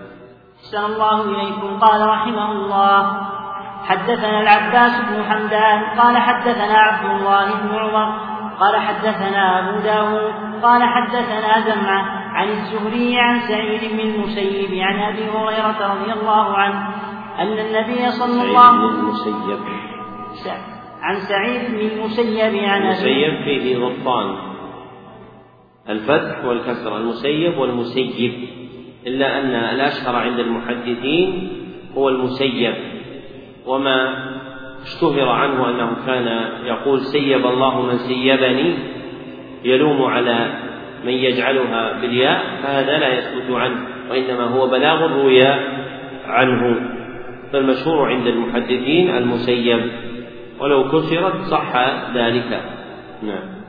أحسن الله أحسن الله إليكم. قال رحمه الله حدثنا العباس بن حمدان قال حدثنا عبد الله بن عمر قال حدثنا أبو داود قال حدثنا زمعة عن الزهري عن سعيد بن المسيب عن أبي هريرة رضي الله عنه أن النبي صلى الله عليه وسلم قال حق المسلم على المسلم خمس رد السلام وتشميت العاطس وإجابة الداعي وإعادة المريض واتباع الجنازة. إسناد هذه الرواية عند المصنف ضعيف. لضعف زمعة بن صالح المكي والحديث في الصحيحين من رواية الزهري عن سعيد عن أبي هريرة من وجه آخر عنه. وقوله في هذه الرواية وإعادة المريض يعني عيادته كما وقع في حديث الصحيحين. نعم. أحسن الله إليكم. قال رحمه الله حدثنا إبراهيم بن محمد بن الحسن قال حدثنا هاشم بن القاسم الحراني قال حدثنا يعلى بن الأشتق عن عمه قال كنا مع ابن عمر إذ مرت محامل فقال سلام عليكم ورحمة الله فإذا هو ابن مسعود. فقال غيبته, غيبته, غيبته علم فسلوه ما حق المسلم على المسلم؟ فقال خمس حق عندك عندك إيش يا فإذا هو ابن مسعود فقال ها؟ قال إيش؟ عيبة علم. فقال عيبة علم فسلوه. عيبة العيبة نوع من الأوعية. فهو عيبة علم فسلوه. نعم. أحسن الله إليكم. فقال عيبة علم فسلوه ما حق المسلم على المسلم؟ فقال خمس حق المسلم على المسلم. رد السلام بأفضل أو مثله. وإذا لقيت أخاك المسلم ضالا في طريق فلا تدعه حتى تهديه حتى تهديه وتريه إياه. وإذا استنصحك أخوك المسلم أن تنصحه وإذا استأمنك فأمنه. وإذا استأمنك فأمنه وإن نزل عليك مفوجا فواسه بمتاعك حتى يرحل عنه. هذا حق المسلم على المسلم. إسناد هذه الرواية ضعيف جدا فإن يعلى ابن الأشدق العقيلي شديد الضعف واتهم بالكذب. فلا يثبت هذا الأثر الموقوف وما فيما صح من المرفوع غنية عنه. ومعنى محوجا أي ذا حاجة. نعم. أحسن الله إليكم. قال رحمه الله حدثنا محمد بن علي الحفار الحفار البغدادي قال حدثنا أبو همام بن شجاع قال حدثنا عثمان بن مطر عن يزيد بن بزيع عن عطاء الخراساني عن معاذ بن جبل قال قلنا يا رسول الله ما حق الجوار؟ قال إن استقرضك أقرضته وإن استعانك أعنته وإن احتاج أعطيته وإن مرض عدته وإن مات تبعت جنازته وإن أصابه خير صرك وهنأته وإن أصابته مصيبة ساءتك وعزيته. لا تؤذه بقدار قدر لك إلا أن تغرف لهم منها ولا تستطل عليه بالبناء لتشرف عليه. وتسد عليه الريح إلا بإذنه وإن اشتريت فاكهة فاهد له منها وإلا فأدخله وإلا فأدخله سرا. لا يخرج ولدك بشيء منه يغيطون به ولده. نعم. وقال أتدرون ما أقول لكم؟ لن يؤدي حق الجار إلا قليل ممن رحم الله أو كلمة نحوها. أو كلمة نحوها.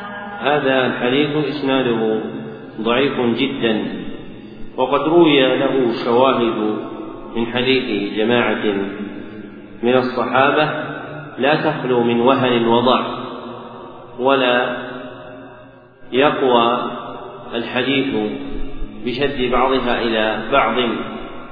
وإن كان المنذري رحمه الله تعالى في الترغيب مال إلى تقوية بعضها ببعض وشد بعضها ببعض وجعل الحديث حسنا لذلك.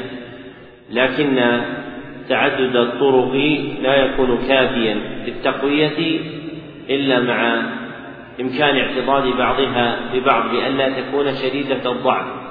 والشواهد المروية عن جماعة من الصحابة بمعنى هذا الحديث من حديث عبد الله بن عمرو وغيره أسانيدها شديدة الضعف واهية فالأقرب والله أعلم أنها لا تقوى على ترقية الحديث إلى رتبة الحسن. ومعنى قوله لا تؤذه بقتال قدرك القتار هو البخار المتصاعد من القدر إذا طبخ فيه شيء. نعم. أحسن الله إليكم قال رحمه الله حدثنا عبد الرحمن بن الحسن قال حدثنا محمد بن عبد الملك الواسطي قال حدثنا يزيد بن هرمز قال أخبرنا سالم بن عبيد عن أبي عبد الله عن أبي حاتم سالم بن عبيد. صلى الله عليه وسلم. قال أخبرنا سالم بن عبيد عن أبي عبد الله عن أبي حازم عن أبي هريرة رضي الله عنه قال قال رسول الله صلى الله عليه وسلم ستة على كل مسلم إذا مر سلم وإذا عطس سمت وإذا دعي جاء ولو على كراع شاء وإذا مرض عاده وإذا مات تبع جنازته وإذا غاب حفظ غيبته هذا الحديث إسناده ضعيف وقد تقدم من وجه آخر بلفظ قريب من هذا اللفظ من رواية أشعث عن سعيد من حديث الصباح بن محارب عن أشعث عن سعيد عن أبي هريرة وإسناده ضعيف كما سلف والمتن معروف إلا قوله ولو على قراع شاة فإن هذه اللفظة لم تأتي إلا من رواية الضعاف. وكذلك قوله وإذا غاب حفظ غيبته. وإنما فيما تقدم من حديث العلاء بن عبد الرحمن عن أبيه عن أبي هريرة إحسان صحبته في إذا غاب وإذا شهد فهو المحفوظ. وسيأتي في لفظ حديث آخر وينصحه إذا غاب وفي إسناده ضعف أيضا. نعم. أحسن الله إليكم. قال رحمه الله أخبرنا أبو يعلى قال حدثنا كامل بن طلحة قال حدثنا ابن لهيعة قال حدثنا عمرو بن شعيب عن أبيه عن جده أن رسول الله صلى الله عليه وسلم قال ستة للمسلم على المسلم إن وجع أن يعوده وإن مات أن يشهده وإن غاب أن ينصح له وإن لقيه أن يسلم عليه وإذا دعاه أن يجيبه وإذا عطس أن يشمت. إسناد هذا الحديث ضعيف ففيه عبد الله بن لهيعة المصري أحد الضعفاء والمتن مروي من حديث أبي هريرة كما تقدم وكما سيأتي. نعم. أحسن الله إليكم. قال رحمه الله أخبرنا عبد الرحمن بن محمد بن إدريس قال حدثنا العباس بن الوليد بن مزيد قال حدثنا أبي قال سمعت الأوزاعي قال قال قال سمعت الأوزاعي قال أخبرني ابن شهاب عن سعيد بن المسيب عن أبي هريرة رضي الله عنه قال سمعت رسول الله صلى الله عليه وسلم يقول حق المسلم خمس رد السلام وعيادة المريض واتباع الجنائز وإجابة الدعوة وتشميت العاطس. وقال في حديث ينصحه إذا قال في حديث آخر. الساقطة من المصنف وقال في حديث آخر ينصحه إذا غاب هذا الحديث إسناده صحيح. وتقدم أن هذا الحديث في الصحيحين. وقوله وقال في حديث آخر جملة استئنافية ليست مروية بالسند المتقدم بل هي مروية بإسناد آخر سيذكره المصنف فيما يستقبل من حديث ابن عمر. نعم. أحسن الله إليكم. قال رحمه الله حدثنا عيسى بن محمد الرازي قال حدثنا محمد بن صالح بن علي الأشج قال حدثنا يحيى بن نصر قال حدثنا هلال بن خباب عن زادان أبي عمر عن علي قال سمعت رسول الله صلى الله عليه وسلم يقول حق المسلم على المسلم ست يسلم عليه إذا لقيه ويجيبه إذا دعا ويشمته إذا عطس ويعوده إذا مرض. وينصح له إذا غاب ويشهد جنازته إذا مات. إسناد هذا الحديث ضعيف وهو عند أبي يعلى الموصلي في مسنده. وزادان بالذال كما قرأ القارئ وليس كما في النسخة. وإن كان الاسم الأعجمي يهون في أمر داله وذاله. فإن بغداد يقال لها أيضا بغداد ويقال لها بغداد. نعم. أحسن الله إليكم. قال رحمه الله حدثنا إبراهيم بن محمد بن الحسن قال حدثنا محمد بن وزير الواسطي قال حدثنا يزيد بن هارون عن أبي عبيدة عن الحسن قال ابن آدم يجب عليك لأهل قبلتك أربع تعين محسنهم هذا من عجائب التنصيص.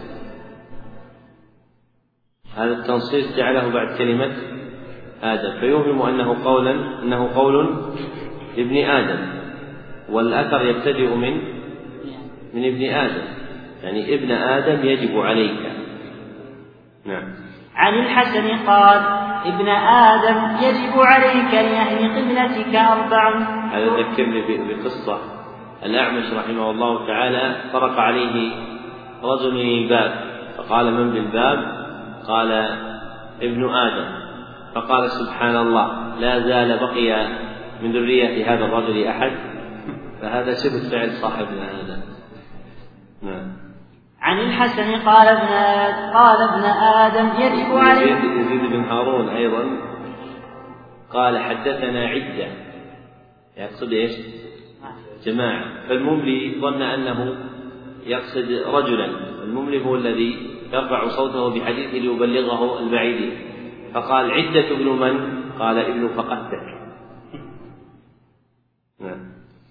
الله إليك. عن الحسن قال ابن آدم يجب عليك لأهل قبلتك أربع تعين محسنهم وتحب تائبهم وتستغفر لمذنبهم وتدعو لمدبرهم. إسناد هذا الأثر ضعيف جدا ومعنى تدعو لمدبرهم لمدبرهم أي لمن تولى منهم يوم الزحف. فإن المدبر عند المسلمين يخص بهذا المعنى. لعظم هذا الفعل. نعم. أحسن الله إليكم. قال رحمه الله حدثنا محمد بن الحسين قال حدثنا حميد بن قال حدثنا حميد بن زنجوي قال حدثنا عبد الله بن يوسف قال عندك بعد محمد بن حسين؟ أيوه بعده. طبراني؟ أيوه. هذا كل كلمة غير مقروءة حدثنا محمد بن حسين الطبراني. نعم. أحسن الله إليكم. قال حدثنا محمد بن الحسين الطبراني. قال حدثنا حميد بن زنجوية. قال حدثنا عبد الله بن يوسف. قال حدثنا ابن لهيعة. قال حدثنا خالد بن أبي عمران عن نافع عن ابن عمر. كان رسول الله صلى الله عليه وسلم يقول المسلم أخو المسلم لا يظلمه ولا يخذله وكان يقول والذي نفسي بيده ما تواد اثنان فيفرق بينهما إلا بذنب يحدثه أحدهما. وكان يقول الذي للمسلم على أخيه من المعروف ست يشمته إذا عطس ويعوده, ويعوده إذا مرض وينصحه إذا غاب وينصحه إذا غاب وشهد. ويسلم عليه إذا لقيه ويجيبه إذا دعا ويشيعه إذا مات ونهى عن هجرة المسلم أخاه فوق ثلاث هذا الحديث رواه أحمد من رواية عبد الله بن لهيعة به وإسناده ضعيف. إلا أن جمله محفوظة فالجملتان الأوليان المسلم أخو المسلم لا يظلمه ولا يخذله. مروية في حديث أبي هريرة في الصحيح وغيره. والجملة التالية لهما وكان يقول والذي نفسي بيده ما تواد اثنان فيفرق بينهما إلا بذنب يحدثه أحدهما. رويت من حديث أبي هريرة عند ابن المبارك في مسنده بإسناد ضعيف ورويت من حديث أنس بن مالك عند البخاري في الأدب المفرد بإسناد حسن فهي ثابتة والجمل الأخيرة في حق المسلم على المسلم والنهي عن هجرة المسلم كلها في الصحيح فهذا الحديث لجمله شواهد تثبت بها هذه الشواهد تثبت بها هذه الجمل. نعم. أحسن الله إليكم. قال رحمه الله حدثنا أبو عيسى الفتلي قال حدثنا عبد الله بن عمر بن حبان قال حدثنا المحاربي عن عباد بن كثير عن ابن أبي نجيح عن مجاهد قال كنت مع ابن عمر فسلم عليه رجل فقال كيف أنت يا مجاهد؟ وقال لي ابن عمر تعرفه قلت نعم. قال ما اسمه قلت لا أدري. فقال عبد الله كنت مع رسول الله صلى الله عليه وسلم فسلم عليه رجل ثم قال كيف أنت يا عبد الله؟ قلت بخير. فقال رسول الله صلى الله عليه وسلم تعرفه قلت نعم. قال ما اسمه قلت لا أدري. فقال رسول الله صلى الله عليه وسلم ليست هذه بالمعرفة ولكن المعرفة أن تعرف اسمه واسم أبيه فتعوده إذا مرض وتشيع جنازته إذا مات هذا حديث لا يصح وهو غلط. فإن المحفوظ روايته عن مجاهد مرسلا كما أخرجه ابن أبي شيبة في كتاب المصنف. فغلط فيه بعض الرواة فجعلوه من رواية مجاهد عن ابن عمر. نعم. أحسن الله إليكم. قال رحمه الله باب ما أمر به النبي صلى الله عليه وسلم المؤمنين أن يستعملوه في إخوانهم من ترك التقاطع والتدابر والتباغض والتحاسد لعلنا نقف هنا يا إخوان. ولا نواصل قليلا. نقف. لترون ترى اليوم جمعة. ونحب نواصل نواصل. نواصل؟ طيب أعد قراءة الترجمة. أحسن الله إليكم. قال رحمه الله باب ما أمر به النبي صلى الله عليه وسلم المؤمنين أن يستعملوا في إخوانهم من ترك التقاطع والتدابر والتباغض والتحاسد. عقد المصنف رحمه الله تعالى ترجمة أخرى مما يتعلق به التوبيخ على الإخلال به ويقتضي التنبيه إلى أهميته. والأحاديث المذكورة في الباب دالة على النهي إلا أن المصنف ترجم بقوله ما أمر به النبي صلى الله عليه وسلم لأن النهي عن شيء يتضمن الأمر بضده. فنهيه صلى الله عليه وسلم كما سيأتي عن التقاطع والتدابر والتباغض والتحاسد مضمنه الأمر بمقابله. فيجب على المسلم أن يستعمل مع إخوانه ترك ذلك. وهذا هو وجه الترجمة. وإنما عدل المصنف إلى الأمر لأن الأمر أعظم من النهي بدلائل الشرع فأراد تعظيمه من هذه الجهة. نعم.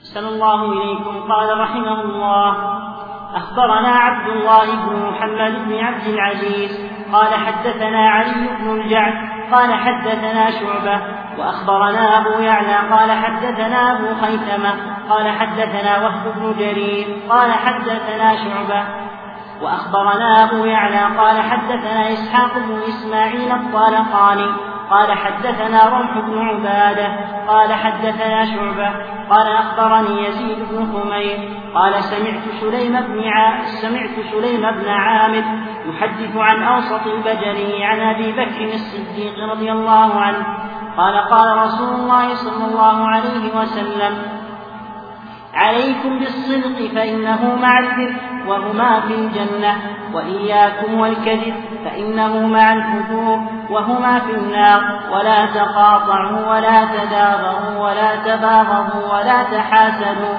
وكونوا عباد الله إخوانا كما أمركم الله. هذا الحديث رواه ابن ماجه من حديث شعبة به وإسناده صحيح. ومعنى قوله صلى الله عليه وسلم عليكم في الصدق فإنه مع البر أي أن الصدق يهدي إلى البر وهما في الجنة أي يوصل صاحبه إلى الجنة كما ثبت ذلك في حديث ابن مسعود في الصحيح.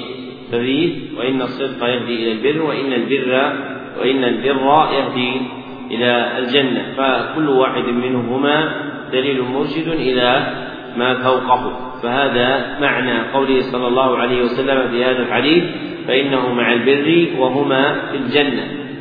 وهذا الموضع من جنس ما قال فيه الإمام أحمد رحمه الله تعالى الحديث يفسر بعضه بعضا. فإن حديث ابن مسعود في الصحيح يفسر حديث أبي بكر الصديق المروي هنا.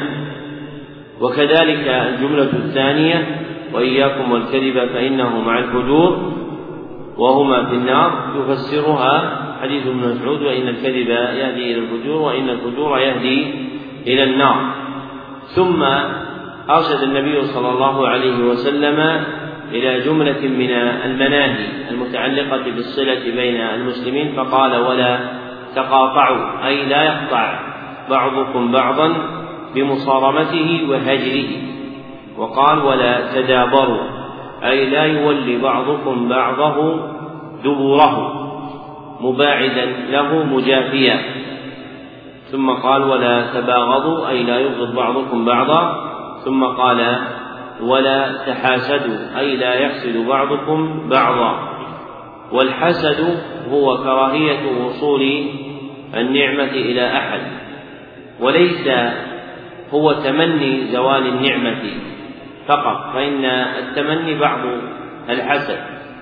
أما حقيقة الحسد كما هي فإنها كراهية وصول النعمة إلى أحد من الخلق كما ذكره أبو العباس ابن تيمية الحفيد رحمه الله تعالى. وقوله صلى الله عليه وسلم وكونوا عباد الله إخوانا يجوز أن تكون هذه الجملة خبرا. أي إذا لم تتقاطعوا ولم تتدابروا ولم تتباغضوا ولم تتحاسدوا فستكونون عبادا لله إخوانا فيه. ويجوز أن تكون طلبا جديدا أي كونوا مأمورين عبادا لله إخوانا متحابين فيه. والجملة صالحة لهذا وهذا. نعم. أحسن الله إليكم قال رحمه الله. أخبرنا حامد بن شعيب البلخي قال حدثنا منصور بن أبي مزاحم قال حدثنا أبو بكر بن عياش عن عاصم عن أبي صالح عن أبي هريرة رضي الله عنه قال قال رسول الله صلى الله عليه وسلم لا تحاسدوا ولا تدابروا ولا تنافسوا ولا تباغضوا ولا يغتب بعضكم بعضا. هذا الحديث رواه أحمد من وجه آخر عن أبي بكر بن عياش به وإسناده حسن إلا أن الجملة الأخيرة لا تعرف من رواية الثقات فكأنه دخل على أبي بكر بن عياش أو عاصم بن بهدلة حديث في حديث فإنهما صدوقان يقع في حديثهما الغلط. وكأن هذه الجملة مما غلط فيه فإنها لا تعرف من رواية الثقات في حديث أبي هريرة هذا.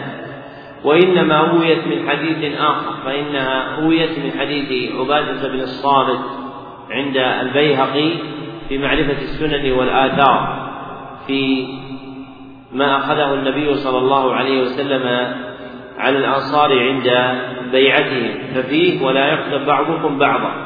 إلا أن هذه الزيادة في حديث عبادة ضعيفة أيضا فإن حديث عبادة في الصحيحين ليست فيه هذه الزيادة فغلط فيها بعض الضعفاء وأدرجها فيه.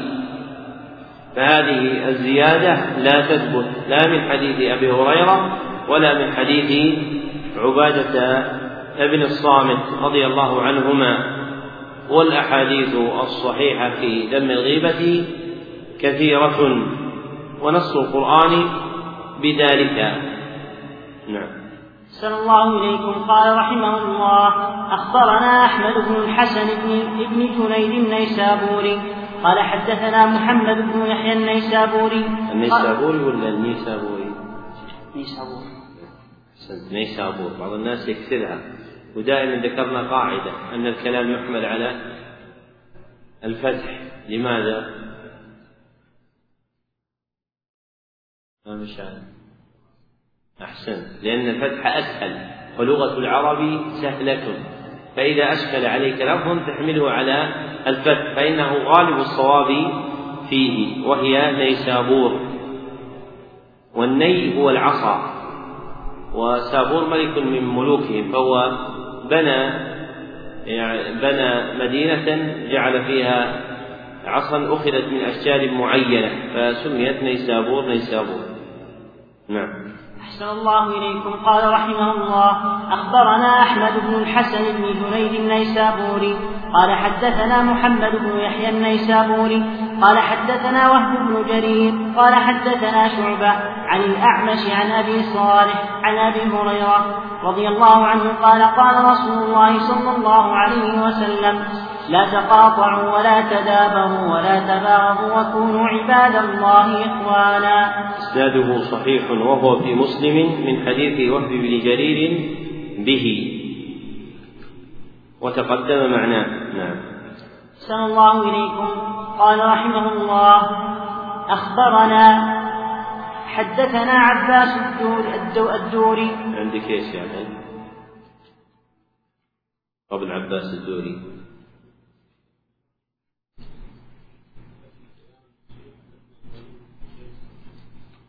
لا اللي قبله.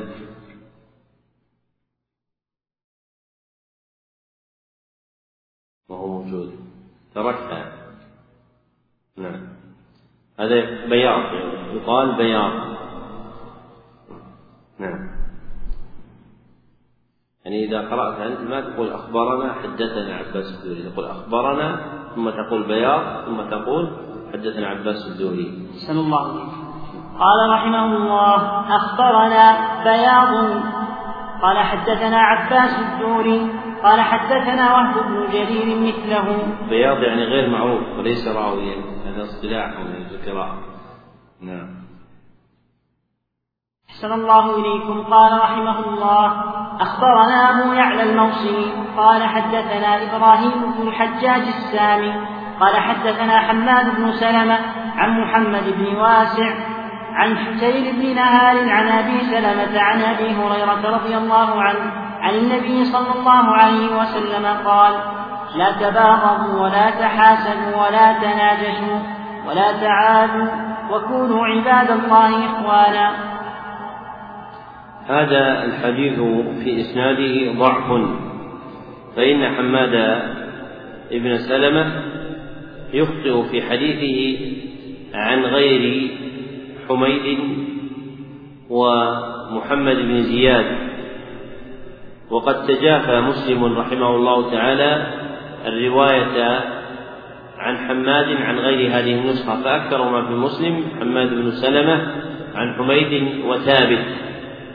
وعند مسلم حديث آخر برواية حماد بن سلمة عن حميد وثابت وعلي بن يزيد مقرونا بهما وعلي بن يزيد فيه ضعف لكن رواية حماد الثابتة هي روايته عن هؤلاء الثلاثة فإنهم هم الذين أتقن حديثهم. أما غيرهم فإن حمادا يخطئ في حديثهم. وهذا الحديث فيه لفظة لا توجد في رواية الثقات وهي قوله ولا تعادوا. فإن هذه الزيادة غير محفوظة. ورويت من حديث أبي هريرة عند أحمد من وجه آخر في حديث آخر ولا تصح أيضا ومعنى لا تعادوا أي لا يكن بعضكم عدوا لبعض. نعم. أحسن الله إليكم. قال رحمه الله أخبرنا حامد بن شعيب قال حدثنا محمد بن بكار قال حدثنا أبو معشر وأخبرنا أحمد بن عبد الله بن شابور قال حدثنا محمد بن أبي معشر قال أخبرني أبي عن محمد بن كعب عن أبي هريرة رضي الله عنه قال قال رسول الله صلى الله عليه وسلم كونوا عباد الله إخوانا ولا تباغضوا ولا تحاسدوا ولا تنافسوا ولا تدابروا ولا يغتب بعضكم بعضا. اسناد هذا الحديث عند المصنف ضعيف لضعف أبي معشر السندي واسمه نجيح بن عبد الرحمن. والحديث معروف من رواية الثقات كما سلف عند مسلم. لكن ليست فيه الجملة الأخيرة. فالجملة الأخيرة لا تروى من وجه صحيح. نعم. أحسن الله إليكم. قال رحمه الله أخبرنا حامد بن شعيب قال حدثنا سريد بن يونس قال حدثنا عبد الوهاب عن محمد بن عمرو عن أبي سلمة عن أبي هريرة رضي الله عنه قال قال رسول الله صلى الله عليه وسلم لا تباغضوا ولا تحاسدوا وكونوا عباد الله إخوانا. هذا الحديث رواه أحمد من حديث محمد بن عمرو به وإسناده حسن وسبق أنه بلفظ أتم في صحيح مسلم. نعم. أحسن الله إليكم. قال رحمه الله حدثنا إبراهيم بن محمد بن الحسن ومحمد بن عبد الله بن مصعب قال حدثنا عبد الجبار قال حدثنا سفيان قال حدثنا الزهري قال سمعت أنس بن مالك يقول قال رسول الله صلى الله عليه وسلم لا تقاطعوا ولا تحاسدوا ولا تدابروا ولا تباغضوا وكونوا عباد الله إخوانا. ولا يحل لمسلم أن يهجر أخاه فوق ثلاث. هذا الحديث مخرج في الصحيحين من طرق عن الزهري به. ومعنى قوله صلى الله عليه وسلم ولا يحل لمسلم أن يهجر أخاه أي أن يصارمه ويتركه لأجل الدنيا.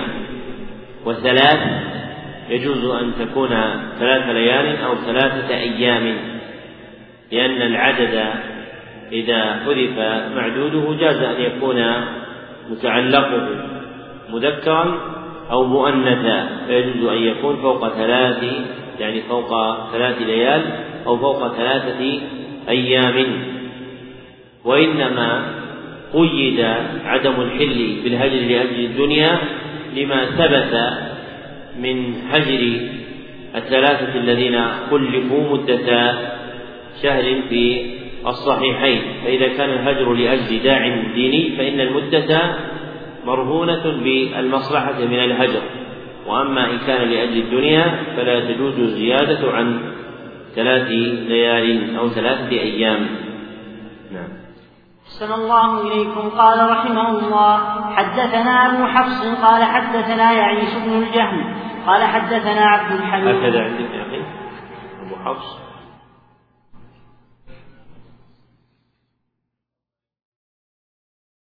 القفلائي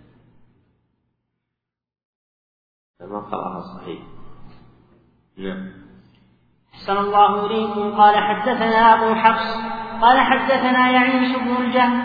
قال حدثنا عبد الحميد الحماني. قال حدثنا عبيد الله بن عمر عن الزهري عن أنس بن مالك قال قال رسول الله صلى الله عليه وسلم لا تحاسدوا ولا تباغضوا ولا تدابروا وكونوا عباد الله إخوانا.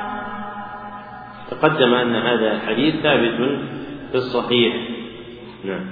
أحسن الله إليكم. قال رحمه الله حدثنا عبدان قال حدثنا دحيم قال حدثنا عمر بن عبد الواحد قال حدثنا الزبيدي عن الزهري عن أنس قال قال رسول الله صلى الله عليه وسلم الزبيدي أم الزبيدي؟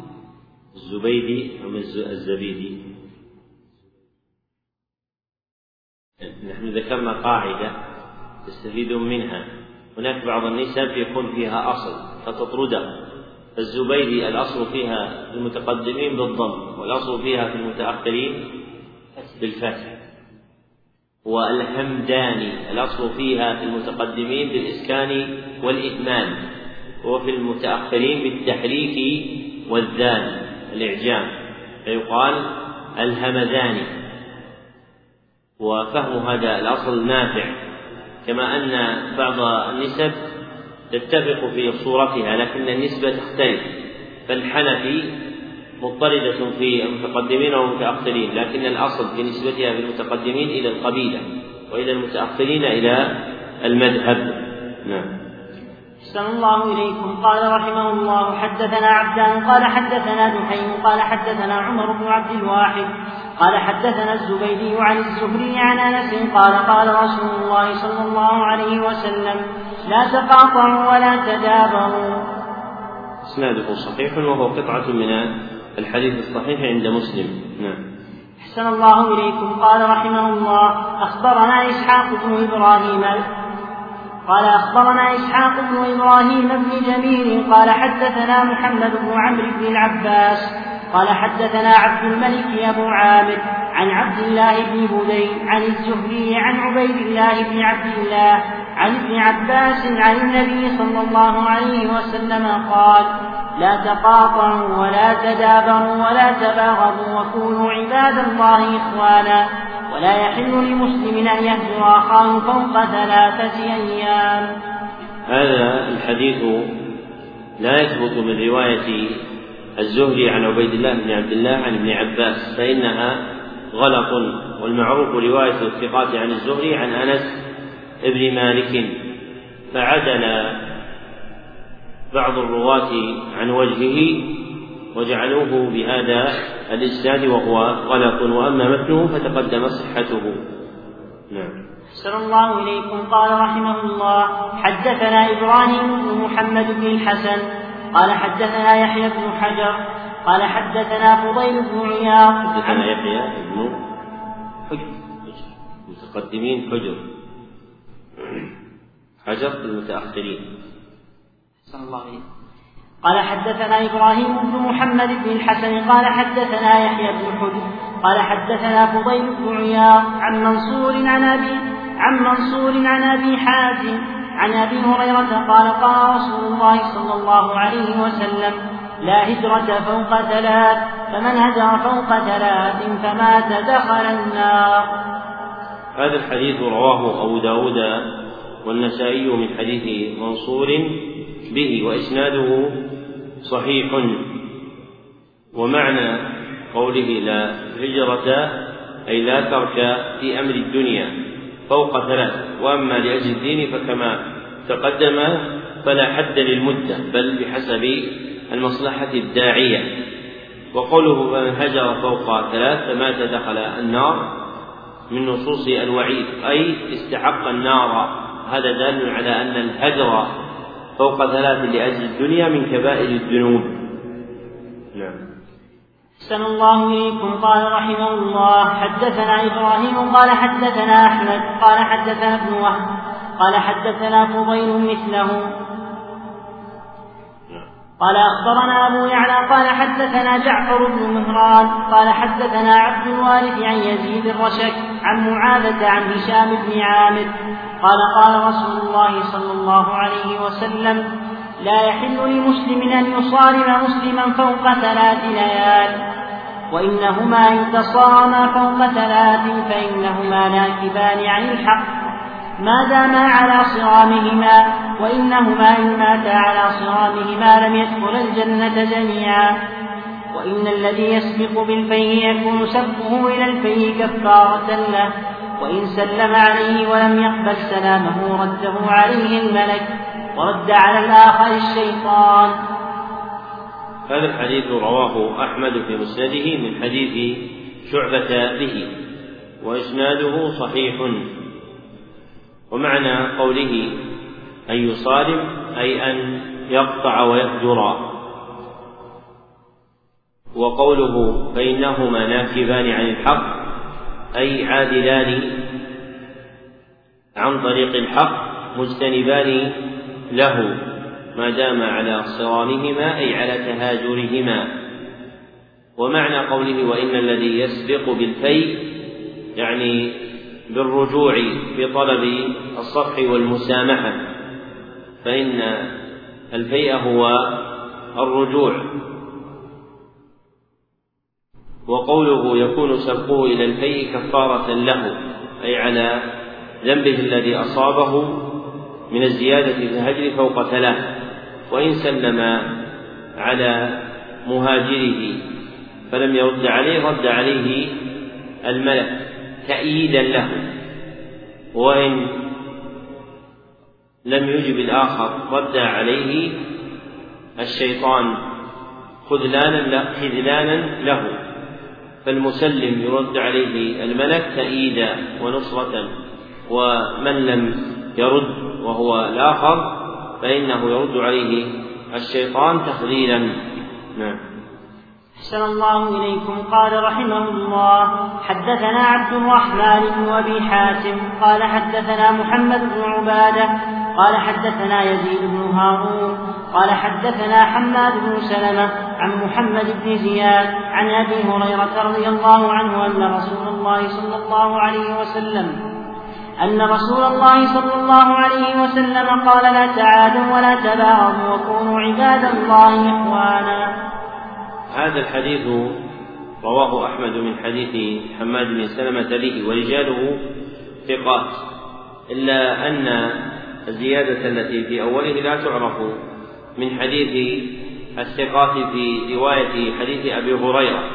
وحماد بن سلمة له أغلاط في روايته عن غير من تقدم. فيشبه أن يكون غلط فيها. فليس الحديث محفوظا بهذه الزيادة. نعم. أحسن الله إليكم. قال رحمه الله حدثنا يعقوب بن إبراهيم قال حدثنا عمرو بن علي قال حدثنا أبو عاصم قال حدثنا ابن جريج قال حدثني عطاء قال حدثني عطاء أنه سمع أبا هريرة رضي الله عنه يقول قال رسول الله صلى الله عليه وسلم لا تباغضوا ولا تحاسدوا ولا تدابروا ولا تناجشوا وكونوا عباد الله إخوانا. وإسناده صحيح وهو في الصحيح ومعنى قوله ولا تناجشوا نهي عن النجش. والنجش هو الخديعة والمكر ومنه البيع المعروف وهو الزيادة في السلعة ممن لا يقصد شراءها فهو فرد من أفراد المكر والخديعة فالمعنى العام له المكر والخديعة. نعم. أحسن الله إليكم. قال رحمه الله أخبرنا عبد الرحمن بن محمد بن حماد قال حدثنا أبي قال حدثنا أبو علي الحنفي قال حدثنا قرة بن خالد قال حدثنا ضغامة بن عليبة بن حرملة قال حدثنا ضرغامة بن عليبة بن حرملة قال حدثني أبي عن أبيه حرملة قال انتهيت إلى النبي صلى الله عليه وسلم فصلى بنا الغداة فقلت يا نبي الله أوصني. قال اتق الله وإذا كنت في مجلس فقمت منه فسمعتهم يقولون ما يعجبك. فأته وإذا سمعتهم يقولون ما تكره فاترك. هذا الحديث رواه الطيالسي في مسنده من حديث ضرغامة به وإسناده لا بأس به فإن ضرغامة فيه نوع جهالة. إلا أن هذا الحديث روي من وجه آخر من آل بيت حرملة أيضا فإن ضرغام حفيد حرملة. ورواه البيهقي في شعب الإيمان من وجه آخر من رواية آل بيت حرملة رضي الله عنه من طريق بعض بنات أولاده ومثل هذا في حق الصحابي قليل الحديث كحرملة فإنه وفد عن النبي صلى الله عليه وسلم وسمع منه حديثا واحدا. منه هذا الحديث فمثل هذا يقبل من رواية المستورين وليس في متن الحديث ما يستنكر. فهذا حديث من جملة الحسن وإن كان في أقل درجاته. وأحاديث الأعراب لا يعرف فيها الكذب كما ذكر الحاكم في حديث رواه في المستدرك فقال هذا الحديث رواته هذا حديث أعرابي أي رواته أعراب. وقد ذكر الذهبي رحمه الله تعالى أن معنى هذا أن الأعراب قوم أشراف لا يعرف فيهم الكذب فإن الأعراب يعيبون الكذب ويذمونه جدا ولا يتصورون صدوره من رجل وإنما يصدر عندهم من ناقص الرجولة.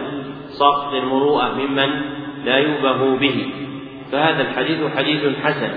ومعنى قوله وإذا كنت في مجلس فقمت منه فسمعتهم يقولون ما يعجبك أي يذكرون من فعلك. ما أعجبك فأته. أي فاحرص على هذا الفعل الذي مدحوك به. ومعنى قولهم وإذا سمعتهم يقولون ما تكره أن يذكرون من فعلك ذامين لك فاترك هذا فإن ذمهم لك يوجب استنقاص هذا الفعل وأنه لا يليق بك فاتركه. نعم. أحسن الله إليكم. قال رحمه الله أخبرنا أبو يعلى قال حدثنا أبو موسى الهروي قال حدثنا عمرو بن عبد الجبار أبو معاوية السنجاري قال حدثنا عبيدة بن حسان عن عبد الحميد بن ثابت بن ثوبان مولى رسول الله صلى الله عليه وسلم قال حدثني أبي عن جدي عن رسول الله صلى الله عليه وسلم من وحد ربنا وصدق نبينا وصلى قبلتنا فذلكم المسلم له ما للمسلم وعليه ما على المسلم إن أحسن. قال أحمد وإن أحدث حدثا فقوموه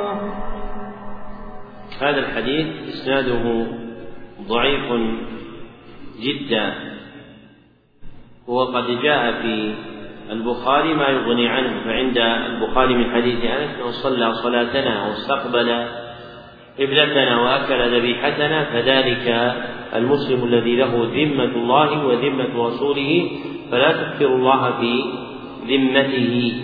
فالمحفوظ هو حديث أنس في الصحيح. وأما هذا الحديث فإن إسناده ساقط.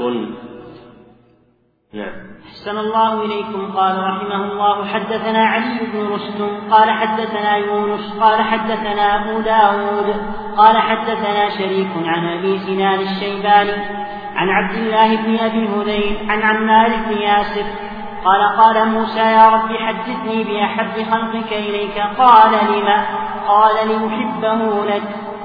قال سأخبرك رجل في طرف الأرض يعبدني يسمع به آخر.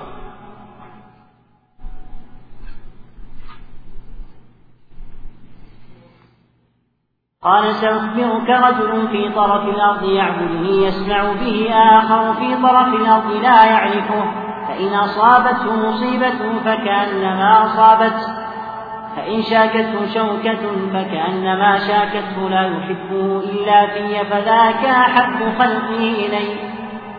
هذا الحديث رواه النسائي في الكبرى من حديث عبد الله بن المبارك عن شريك به والشريك هو ابن عبد الله النقعي وهو ممن ساء حفظه من الصدوقين إلا أن هذا المتن مما يحتمل هذا الإسناد. فلا بأس به لأنه من الأخبار الإسرائيلية.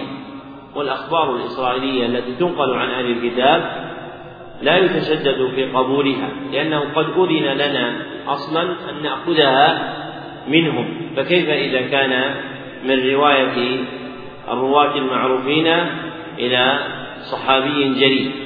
فإسناد هذا الخبر حسن بالنسبة إليه. ومن لا يتقن صنعة الحديث يجعل الكلام على الرواة واحدا فيحكم على حديث شريك بن عبد الله في العقائد والأحكام كالحكم عليه في الأخبار وسائر الكلام من الآثار المروية عن الصحابة والتابعين وهذا غلط فإن لكل متن نقدا وشريك ممن يحتمل منه ممن يحتمل منه هذا الحديث أنه من جملة الأخبار المنقولة عن بني إسرائيل فإن قوله قال موسى يعني موسى بن عمران عليه الصلاة والسلام رسول بني إسرائيل. وفيه بيان قدر من يحفظ الود لأخيه المسلم لا يحمله على ذلك إلا دينه وإيمانه فإنه يفرح لفرحه ويحزن لحزنه. لا يحمله على ذلك إلا أمر الله عز وجل. فعند ذلك يفوز بمحبة الله عز وجل. وهذا آخر البيان على هذه الجملة من الكتاب. وبالله التوفيق. والحمد لله رب العالمين. وصلى الله وسلم على عبده ورسوله محمد وآله وصحبه أجمعين. ونستكمل بقيته ان شاء الله بعد صلاة العصر والعشاء.